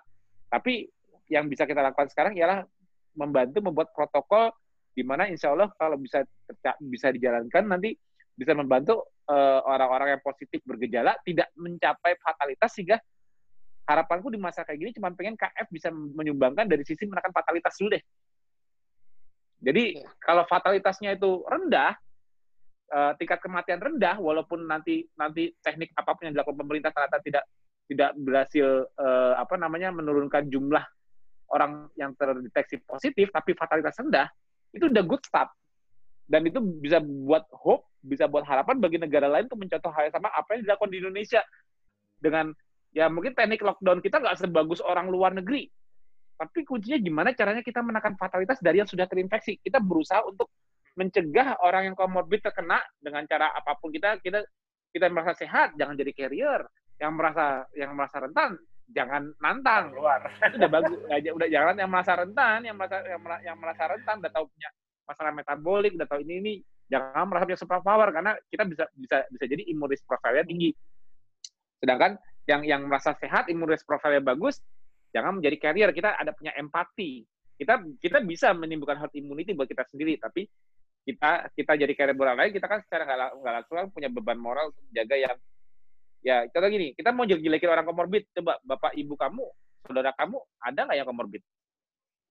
Ada pasti kan. Ya kita kan sebetulnya mau, mau jelekin semua orang kan nggak bisa juga kan. Karena memang ini situ alam sekarang yang membuat orang banyak komorbid. Alam manusia manusia ngikutin hedoniknya hedoniknya nyari kenyamanan yang yang banyak yang nyaman dan enak itu karbo ya ya ya mau nggak mau komorbid sekarang meningkat ya karena alam. Alam sekarang nggak mendukung untuk herd immunity seperti dulu. Tapi yang kita bisa lakukan ialah menurunkan tingkat fear dengan cara menurunkan jumlah fatalitas. Itu deh wacana terbaik dari KF itu ialah membantu menurunkan fatalitas. Kalau untuk membantu penyebaran itu usaha pemerintah deh beban ek ekonomi itu dengan wabah seperti ini ekonomi udah udah resiko ya jujur ya. Dari Februari kemarin Februari kemarin juga udah udah udah banyak ya orang udah pada dirumahkan. Ya alhamdulillah insya aku nggak PHK aku nggak pernah melakukan PHK tapi banyak pengusaha lain sudah bahkan melakukan PHK karena mereka nggak bisa menahan beban operasional. Karena aku sama pengusaha aku jadi aku tahu tapi aku berusaha sebaik mungkin. Tapi intinya ekonomi pasti ke impact. Ini karena karena karena karena ini menunjukkan suatu komorbid ini, ini virus spesifik komorbid yaitu COVID. Nah, itu gampang gitu. COVID adalah virus spesifik komorbid. Kalau ini semua orang ngerti, gimana nge-reverse komorbid? Nggak usah jauh-jauh bagi awareness global awareness ialah jaga gaya hidup. Gimana tindak aksi tercepat menunjukkan efektivitas KF, cegah fatalitas bagi yang sudah terinfeksi dan bergejala. Itu kita matangkan konsep itu kalau bisa ditimpa pemerintah dan terbukti kita bisa menekan angka fatalitas, itu sudah sangat helpful bagi pemerintah Indonesia untuk membuat keputusan nanti ke depannya efeknya gimana. kalau herd herd immunity terlalu itu kalau aku bilang kita kita kurang berempati kalau kalau kita kurang berempati dengan sebetulnya udah masuk sih ya Mas ya sekarang ini dan yang paling terdampak itu yang paling terancam ya posisinya ya yang para frontliners itu ya para dokter kan Mas. Yeah, Jadi yeah. dengan dipersiapkan atau tidak dipersiapkan yang namanya apa namanya natural herd immunity akan terjadi pasti gitu. Ya, ya kan? pasti. Ya, ya, ya, ya, kita kita harus harus bisa harus bisa terutama yang frontliner ini ya ya ya kalau kita bisa support mereka dengan eksternal defense juga dengan APD kita grup KF juga bisa menyumbang tapi ya sebisa mungkin kita juga nanti para nakes-nakes kita KF juga juga menginspirasi untuk mereka mulai menjaga pola makan apa apa karena mereka di frontline resikonya. Jadi semakin kita banyak menyebarkan ilmu bagaimana metabolisme berhubungan dengan imun karena ini loh metabolisme kemarin-kemarin nggak menarik sekarang yang menarik bagi banyak orang ialah imunitas. Nah, karena link dengan imunometabolisme terjelas, kita buat metabolic awareness lewat imunitas saat ini tuh kayak gitu. Metabolic awareness lewat imunitas karena imunitas sekarang paling menarik dibalik kalau dulu kita mau teriak-teriak orang diabetes sebenarnya juga selama minum obat itu juga nggak apa-apa kok. Iya. Nah, tapi sekarang kalau kalau kalau kenapa orang sekarang interest dengan imunitas? Karena infeksi ini belum ada obatnya. Nah, gimana ikhtiar mencegahnya? Baru kita tarik ke metabolismenya. Kalau metabolisme karena metabolisme metabolic syndrome banyak obatnya, hipertensi minum obat, diabetes minum obat. Makannya mau rubah nggak? Ah nggak, sama gue bisa minum obat, gue nggak perlu ganti makanan gue. Tapi kalau sekarang nggak bisa, infeksi. Infeksi nggak ada obatnya, metabolisme lu harus dijaga. Nah ini bisa jadi jalur untuk kita mulai bikin metabolic awareness di, di, di tengah infeksi yang selektif terhadap komorbid. Itu rasanya. Nah, satu hal lagi terakhir ya, Mas ya. Uh, apa namanya? Mungkin yang bisa paling tepat mengkomunikasikan yang tadi itu hubungan metabolisme dengan imun itu adalah dari kalangan dokter sendiri. Saya tuh tidak pernah mendapatkan yeah. satu pun tulisan dari dokter. Bahkan saya udah diskusi langsung dengan seorang dokter, dia malah bilang dia udah pernah kena dan dia membanggakan bahwa diri dia udah survive. Dan menurut dia, dia itu adalah hasil kerja kerasnya selama dua tahun dan dia tidak KF menurut dia. Saya cuma bingung, kenapa kok cuma berpikir ya, hanya karena aku bilang immunity itu immunity itu bisa immunity itu kalau dia masih kalau dokternya masih insulin sensitif ya dia juga imunnya masih bagus. Yang yang yang masalahnya itu kalau komorbidnya itu, kalau yang kalau dia insulin ini. Makanya kalau orang masih sehat kayak anak-anak anak-anak yang nggak KF deh, mereka juga imunnya selama masih bagus mereka ini cuma kayak flu aja bagi mereka. Iya. Tapi karena replikasi cepat itu terjadinya karena karena kenanya selektif yang komorbid.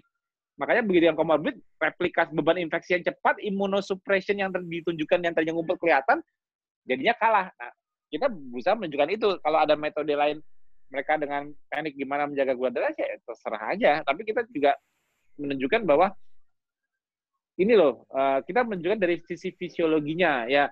Kan aku udah bilang tadi mau dokter ngomong gini nonton gitu, mereka kan secara fisiologinya kan belum nyambungin semuanya kayak aku gini. Yeah. Ya pelan-pelan, makanya aku bilang di di grup telenakes itu, telegram nakes, telegram tenaga kesehatan di grup kita itu fungsinya sebagai edukasi, membuka nakes uh, yang sebetulnya mereka sebenarnya udah pernah belajar di di kuliah mereka masing-masing, cuman nggak terlalu mendalami kayak aku, jadi mungkin skip atau gimana. Tapi pelan-pelan mereka, oh ketemu benang merahnya semua. Jadi jalan pikir mereka nyambung semua gitu. Kita membuktikan bahwa KF itu bukan pseudo science. Aku menggunakan ilmu kalian untuk membuktikan KF itu seperti apa, bukan ilmu yang aku karang-karang sendiri gitu loh.